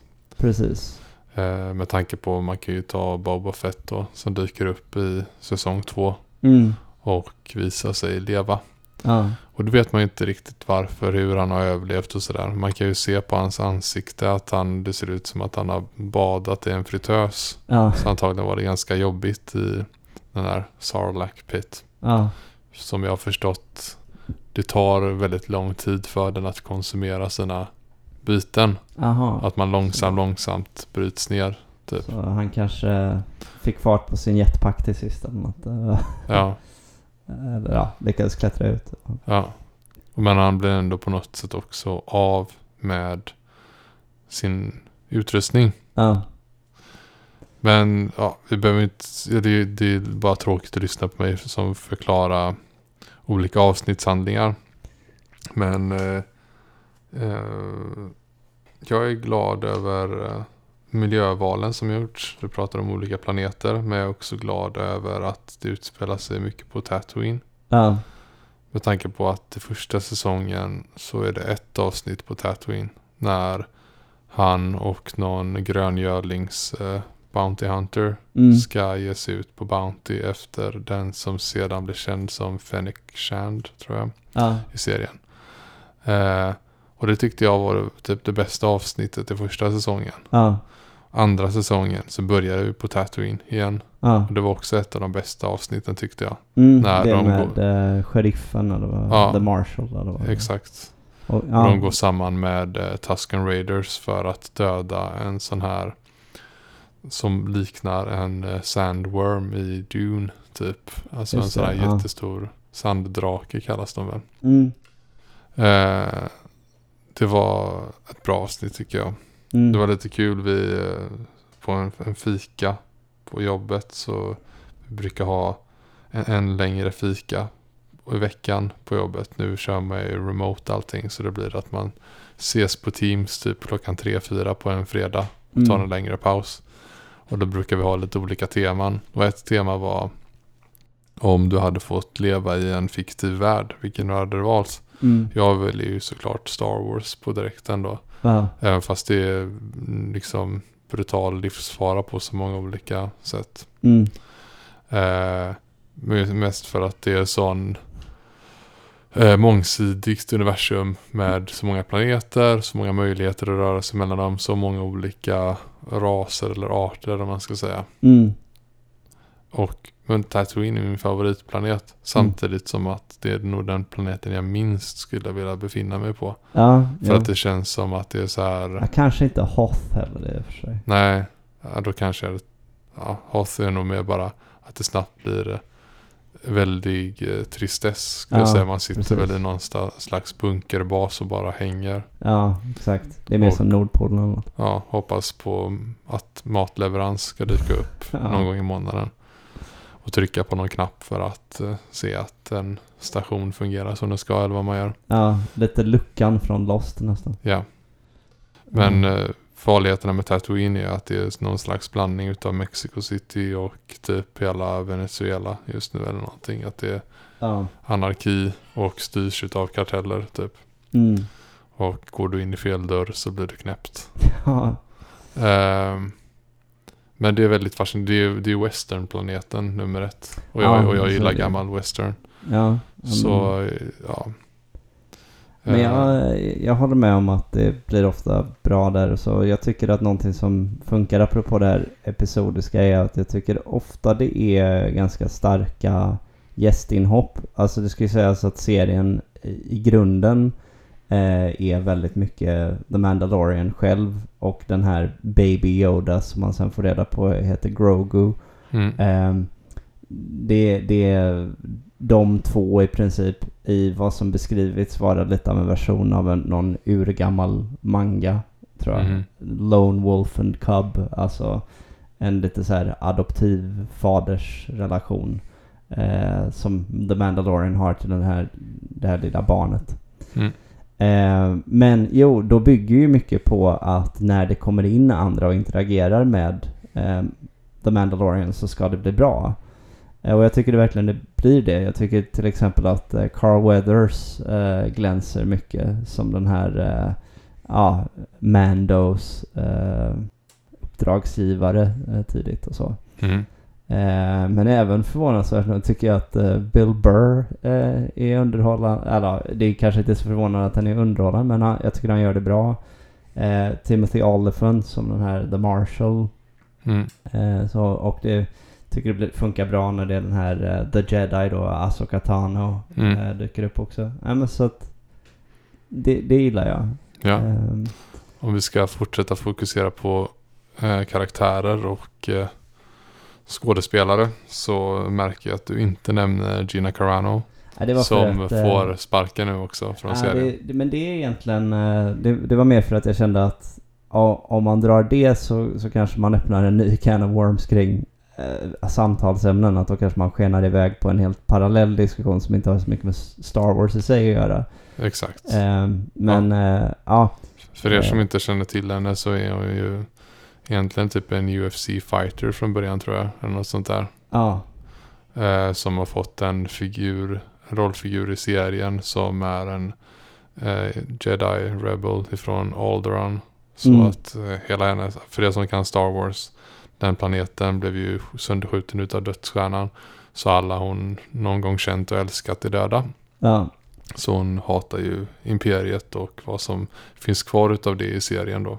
mm, Eh, och eh, men, och så sen nu får hon inte vara med i serien längre för att hon har sagt lite korkade grejer på, på riktigt ja, under en längre tid. Men så spårade det väl extra ut mer eh, efter ett uttalande då. ja. Och eh, jag, är, jag är den första att hålla med om att uttalandet var jättekorkat och sådär. Men det är samtidigt lite komplicerat om, om alla alltid ska... Alltså att det blir lite där... Ska man alltså behöva lämna in sitt sin voter registration som demokrat för att få spela i Hollywood. Är det, är det lite det upplägget? Ja? Det, det är lite så det Jag, känns. eh, jag förstår vad du menar där. Men ja, hur som helst, utan att gå in på det jättemycket så kan jag tycka att det det är synd att karaktären försvinner. Vi, vi kan tala om skådisen på ett annat sätt. Men, men Mm. att karaktären i sig försvinner för jag tycker det är, Jag tycker hon funkar eh, bra och att det är roligt att se någon en eh, vad ska man säga? Det, det finns ju inte jättemånga eh, kvinnliga karaktärer på tv som är legitimt svinstarka och tuffa. Liksom. Mm. Eh, det, jag tycker till exempel att eh, Game of Thrones hade många starka kvinnokaraktärer. Mm. Men eh, jag, jag gillar ändå att man för en gång skulle få se en, en eh, kvinna då som är mer så här. Ja, hon kan spöa skiten ur alla här inne liksom. Det, Mm. det är lite coolt eh, upplägg. Så, och jag, apropå det, så tycker jag nämligen inte att hon Bo Katan då eh, funkar lika bra eh, som, som sån eh, Okej. sorts karaktär. Jag känner ju igen henne från skådisen från Battlestar Galactica. Katie Sackhoff. Ja, och ehm, jag, jag undrar om jag inte tycker att... Jag tror faktiskt det att jag tycker inte att hon är en jättebra skådespelerska. Okej. Eh, jag har inte reflekterat så mycket över hennes skådespelarinsats. Men okej, så Cara Dune som är eh, Carano då. Ja, Kommer att på något sätt in, inte fasas ur. Men hon kommer ju inte synas i säsong tre. nej. Och på något sätt. Det kommer väl de lösa snyggt naturligt antar jag. Eh, du tyckte det var tråkigt. Jag eh, bryr mig nog inte jättemycket. För på ett sätt tyckte jag det var bra för att eh, hon gav mig lite utav de här äventyrs vibbarna Och inget ont om Hercules och Zina. För Mm. att det tyckte jag jättemycket om när jag var barn. Men det var, jag vet inte, det var lite ehm, det, det, det, det ska, den typen utav eh, eh, karaktär skapar lite det här att det blir Action. Ja, eller det känns som att det mer är... Nu blir det mer... Jag vet inte. Det är en svår, svår känsla att beskriva. Men att det känns som att nu är det mer eh, typ familjeanpassat. Eller så här. Ja, Jag vet inte, hon, hon var sån här... Hon är hård men hon är god samtidigt och lite rolig och... ja jo, jag förstår vad du menar. Att det... Eh, att eh, man, man skulle kunna hävda att hon tonmässigt... Eh, Hon är egentligen Kevin Sorbo egentligen. Alltså som Hercules tycker jag. Ja, jo men jag, jag förstår vad du menar. Att det är lite så här tonmässigt. Och det är nog, så- alltså, så- hon är inte kanske traditionell skådis heller på det Nej, sättet. det är Och sant. det är väl det som kommer fram kanske lite då. Ja, Att, eh, nej men det är väl sant. Alltså eh, om jag, om jag ska lyfta fram det med Katie Sackhoff så kanske det inte heller är eh, Gina Caranos grej primärt heller så. Men det var väl mer att jag tycker i alla fall att i och med att hennes karaktär är skriven som She's supposed to just be this badass warrior liksom. Så Mm. tycker jag, ja men hon är väl antagligen en tuff kvinna liksom. Så det blir inte så, det, det är lite som när man har ifrågasatt hur bra spelar egentligen Charlie Sheen i sina roller. Han Mm. spelar väl bara sig själv. Alltså Ja. lite det. Ehm, ja, men jag, men jag förstår vad du menar i alla fall. Och, och antagligen kommer serien kunna sköta det väldigt smidigt just för att upplägget är ju ändå att eh, han träffar ju på nya personer hela tiden. Han kan ju lika gärna bara inte träffa på henne igen. Ja. Så, så det blir nog inte så svårt. och det blir nog mer, alltså naturligt hade det nog blivit kanske lite mindre henne. Jag tror att det kommer bli hela den här grejen nu med att att nu håller han det här svärdet. Mm.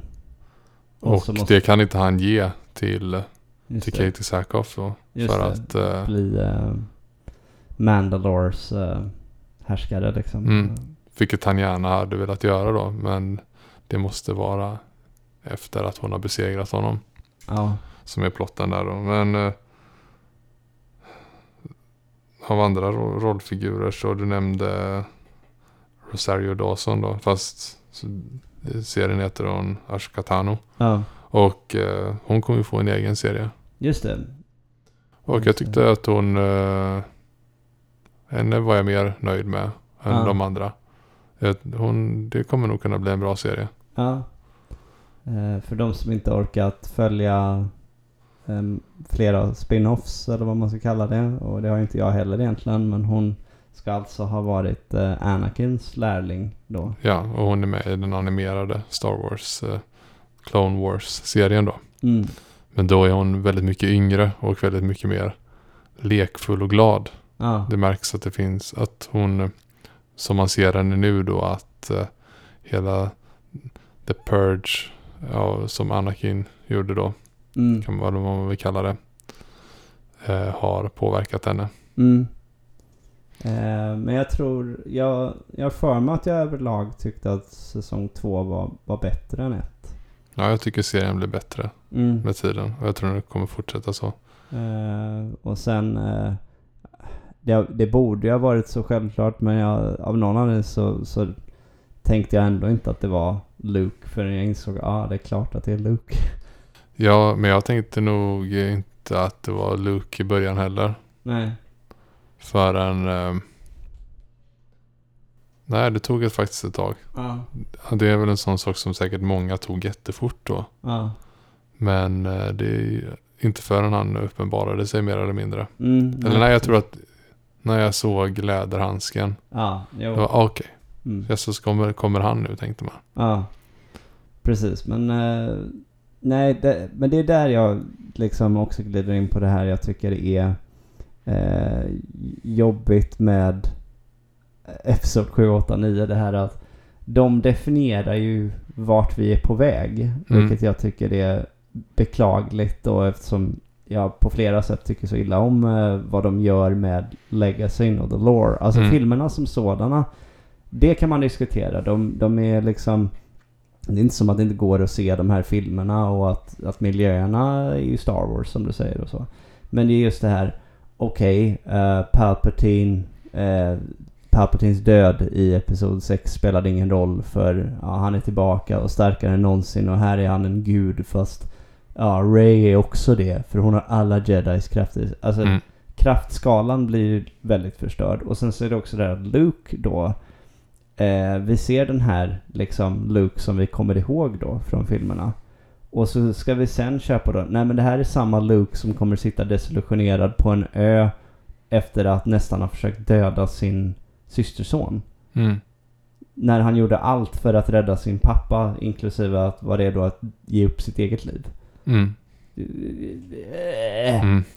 Ja, Så det är det jag tycker är jobbigt. Att jag, jag är rädd för i vilken mån tri- sequel-trilogin kan, kan liksom uh, taint de här. det är då man hoppas att någon högt upp på Disney är liksom supernörd och bara det här får inte vara kanon. Vi måste skriva om eh, de sista, det sista vi vet från Star Wars-universumet.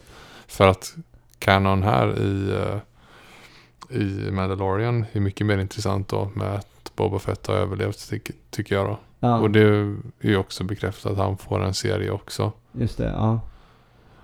Och på tal om då Carano eh, tidigare. Hon hade nog fått sin egen också faktiskt, verkade det som. Att hon skulle vara med i den här rebellserien då. Ah, just det. Ja. Men eh, blir det någon annan? ja.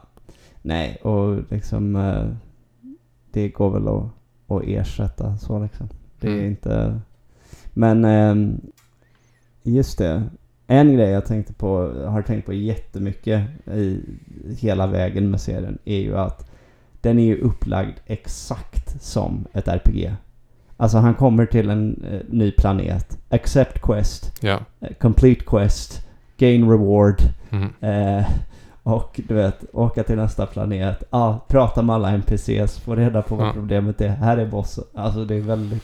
Ja, för att även återknyta till eh, manga som du pratade om också då. Ja, Att ta typ något som alla har sett här i Sverige då, Sailor Moon. ja, Det är, varje avsnitt är ju också någon slags filler som eh, eh, kanske i bästa fall sakta bygger vidare mot att nu kan det inte bli, bli mer fillers för nu måste den riktiga konfrontationen ja. komma. För nu är Sailor Moon så himla nära eh, drottning Morga eller vad hon heter. Ja, ja. Så, och jag tycker inte det fyller avsnitt i eh, Mandalorian. Nej. Här är det ju en, en väldigt tydlig röd tråd. Men det är fortfarande så här, okej, vem kommer vara liksom the bounty of this episode? ungefär? Ja, exakt. Eh, det finns, finns en väldigt tydlig sådan dynamik måste jag säga. Och så, så har det lite då att det hägrar bossar längs vägen. Dels den här då, um, vad, vad hette... Ja, nu har jag glömt bort. Vad är det? Giancarlo Espositos eh, roll. Vad är det han heter nu? Ma, Grand Moff, eller? Eh, alltså han som har mörkersabeln Mm. från början. Ja, Moff Gideon. Moff Gideon ja, just det. Eh, och så har de börjat prata om uh, Thrawn nu också ja. Från Extended Universe va? Mm. Eh, ja, som jag inte känner till särskilt mycket om faktiskt. Eh, men det är ju roligt att de kan eh, bygga upp mot nya potentiella skurkar och sådär och Ja. hot. Eh, nej.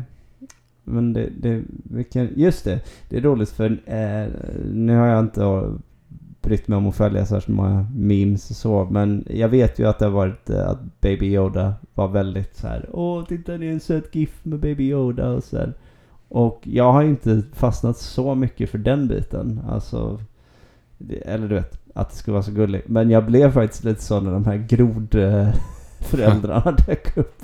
De här vars ägg eh, Yoda äter, den här grodmamman. Hon var ju så jäkla gullig. Ja, absolut. Och så, och, ja.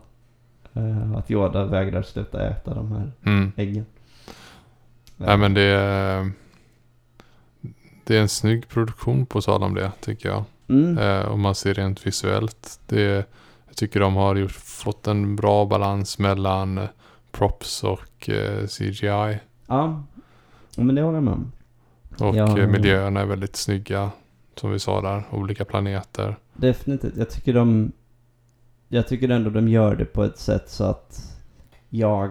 Jag sitter inte och tänker på att allt är green screenat. Alltså Mm. jag fattar ju det eh, om jag tänk, du vet, skulle fundera vidare kring det. Men, Mm. men jag, jag, jag känner inte av det. Nej, det är väldigt sällan man tänker Ja, att det... så det är och- snyggt gjort liksom. Och hela, förutom Tatooine som redan är präglad westernplanet då, så är, blir det väl ehm, musiken utav Ludvig Göransson Mm. sätter ju ganska typisk eh, Morricone-prägel. Det känns Mm. som att han har lyssnat en del på honom inför det här. Ja.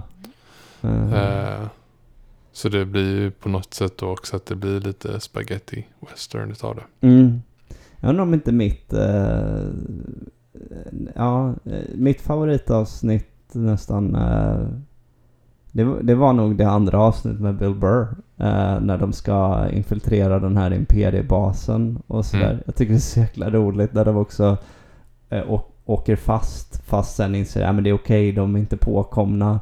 Och så ska de eh, ta ett järn då med den här eh, ja, vidriga människan till general eller vad han är. Ja, Och, och Burrs karaktär pallar det bara inte. Han Ja. måste ändå.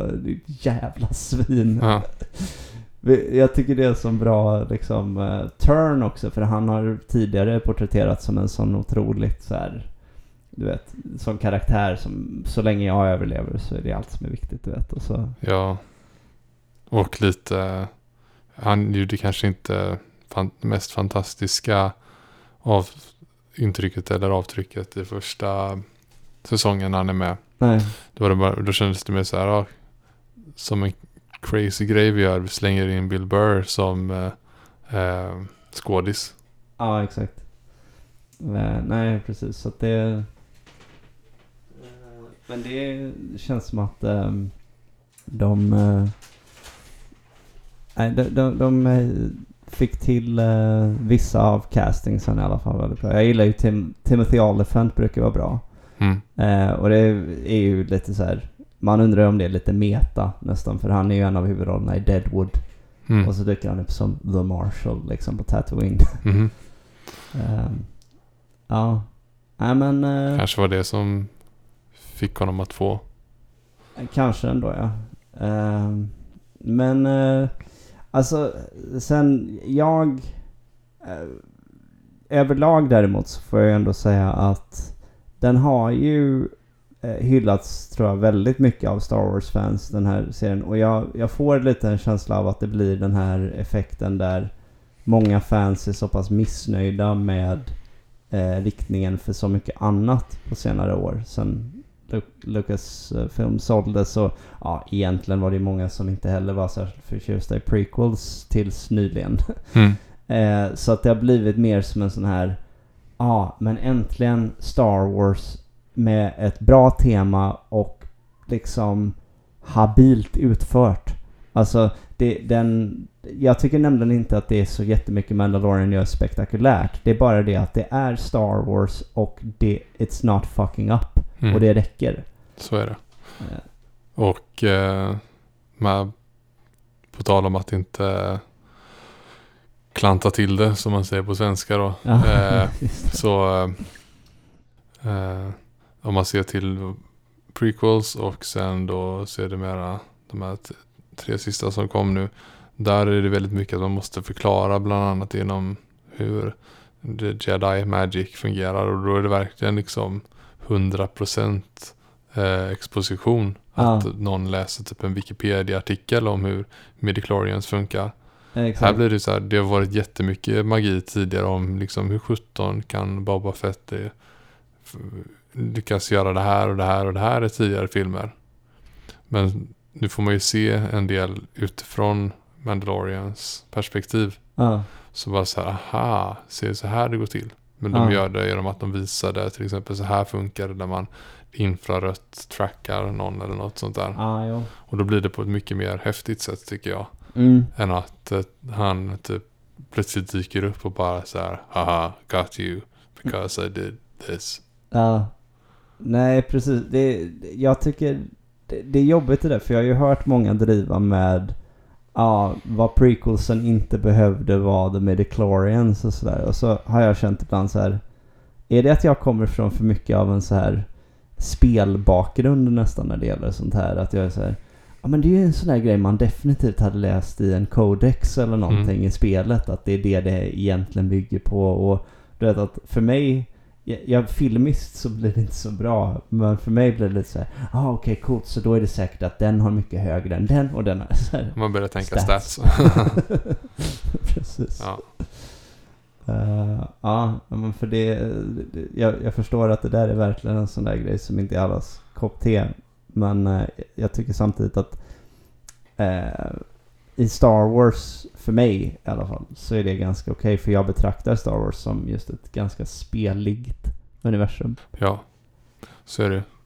Eh, Mm. Och eh, det blir då så att säsong tre kommer och eh, säsong två då är över. mm, Och den slutade då på ett sätt nämligen med att hela Main Quest avslutades och lyckades kan man säga. mm, Han fick lämna över Baby Yoda eller Grogu i trygga händer till ingen mindre än Luke Skywalker själv. mm, Så då blir egentligen stora frågan vad kommer hända i säsong tre? precis. Antagligen blir det väl någon antagligen med The Mandalore Empire eller inte Empire men kanske Mandalore eh, släktet då. Någonting där kanske. Precis, och eh, det är ju samtidigt svårt att tro att de ska låta de här eh, karaktärerna vara isär så hemskt länge. För att jag menar, jag får känslan av att många, eh, alltså du vet, fokusgrupptänket tror jag ändå är lite så här. Ja, vi vet ju att publiken svarar mycket på de här rörande interaktionerna mellan Mm. Mando och Grogu. Mm. Eh, och jag hoppas bara inte att de gör det där på ett sätt som, som känns så här som Ja, och förresten på två avsnitt så bestämde vi att Luke var färdig med träningen och vi har inte sett honom on camera eller någonting liksom. Det, det i sig är ju lite av en grej. Hur, hur tänker de lägga upp det? Alltså Mm. de... Kanske ju- blir som i den här nya Tom Hanks-rullen News of the World. Ja. Fast den har du kanske inte sett. Nej, jag har inte det än. Men uh, jag körde med de-aging och så där. Eller vad? Nej, det var mer bara att han har ju också ett main quest i den rullen. Aha, okej. Att eh, återlämna ett barn till sin familj. Ja. Men jag ska inte gå in på mer då vad jag hade för take. Med hur det kan bli sen då. Men eh, eh, ja, så det blir ju då, det blir spännande. Ja. Därför att från säsong ett till två var det enklare att gissa Mm. vad som skulle hända. Han behöver fortfarande fixa det här. Lämna Yoda i trygga händer och eh, The Bad Guy lever fortfarande och sådär. Mm. Nej men det, det känns väl som att den givna grejen är det här du sa. Med att följa upp med lite mer om Mandalore och nu när han har mörkersabeln och sådär. Mm. Ehm, och sen, ja just som vi var inne på förut, alltså Gideon är ju inte död. Men ja, han kanske inte ska vara hotet nu då, men den här Thrawn då. Mm. Han kommer säkert bli fri på något sätt. Ja, exakt.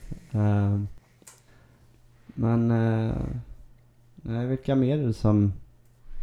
Ja just det, sen Nick Nolte var ju med en vända i säsong ett ja. Mm.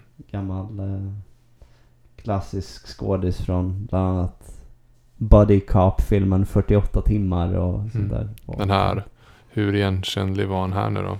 Nej det var han ju inte egentligen. Det var ju den här... eh, ja, han, han var ju den här... eh, vad, ska- vad ska man kalla honom? Var han lite apliknande? Mm. Ödleryttaren Ja. på den ensamma planeten. Som eh, blir ihjälskjuten utav stormtroopers. Det. Ja. Helt ofattbart ja. att de lyckades. Det är deras första successful hit. Ja. Eh, ja, den grejen. eh, de driver ju med det lite själva i serien. Men det, det är ju liksom ett, ett verkligen genomgående tema. Det här med hur uselt de siktar och sådär. Mm. Ehm, och sen så är jag ibland i serien lite orolig för hur mycket de eventuellt måste begränsa det i olika avsnitt på grund av att det är, att det är en Disney-franchise. Men å andra sidan så har det ju i princip varit så hela tiden med Star Wars. Mm. Det är väl mer bara det att när det ska vara en lite gritty space western så är inte det nödvändigtvis något som lämpar sig lika väl genremässigt för att det ska vara möjligt för sjuåringar att se. Mm. Eh, men ja, jag tycker nog att hittills har de ju löst det bra. Så att Ja, det kan de nog fortsätta det, med. det är ju action i alla fall. Ja, precis. Ja, så ehm, det blir svårt att säga nu då, ni som inte har sett den, gå och se den. För vi bad ju dem att stänga av tidigare. Ja, Men det blir, eh, ja det vore kul att höra vad andra människor har att tycka om den. ja Och inte bara de som sitter och skriver av sig på message boards. nej, precis. Eh, Men eh, har vi kollat någonting om var...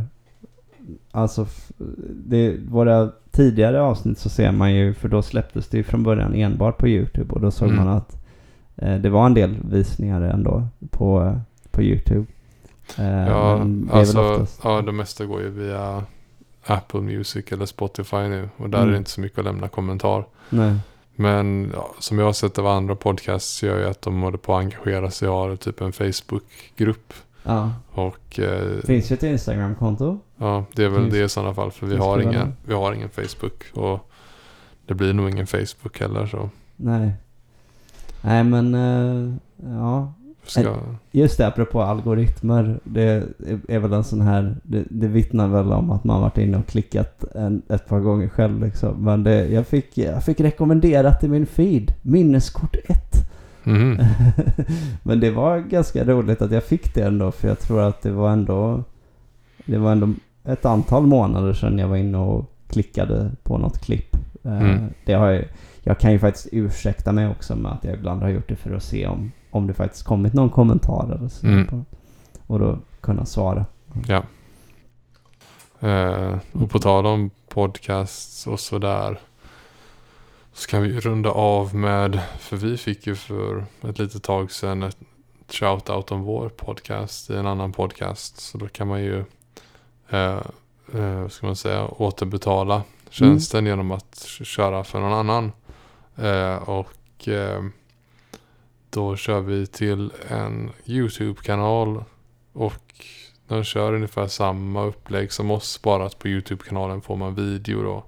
Ja. Eh, och annars bara ljud via andra plattformar. Typ Ja. Spotify och så vidare.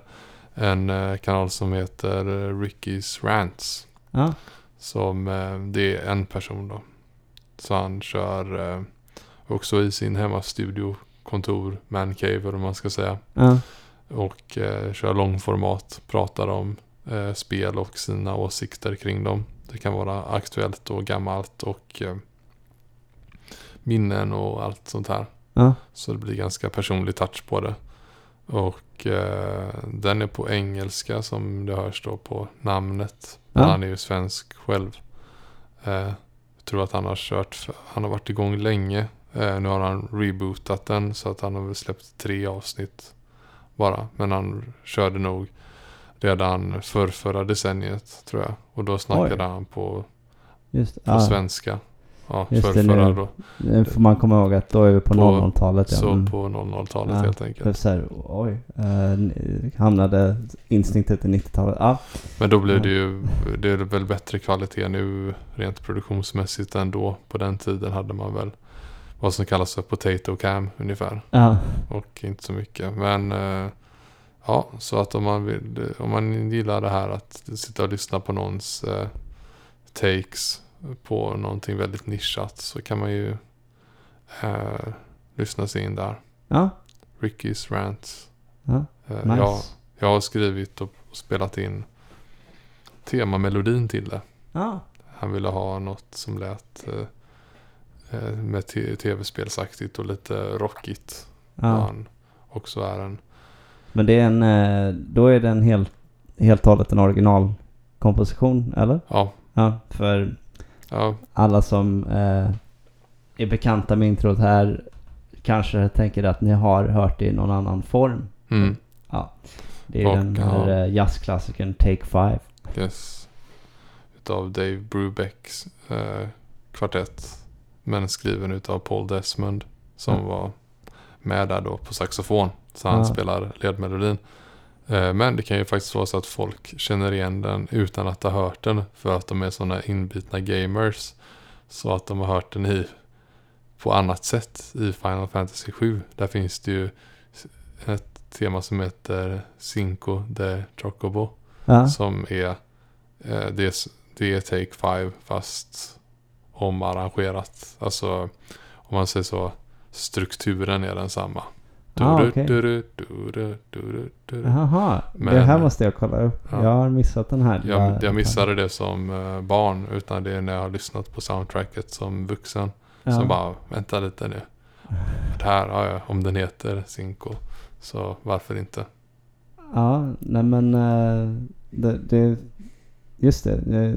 Jag, Det är ju inte alltså grejen är att det här fantastiska soundtracket, sjuan då, som du har nämnt på din topplista. Mm, Det är ju inte den, det temat man drar upp först. nej, precis. Eh, Det är inte det man återbesöker. Det hör man nästan nog bara när man spelar spelet skulle jag säga. Ja.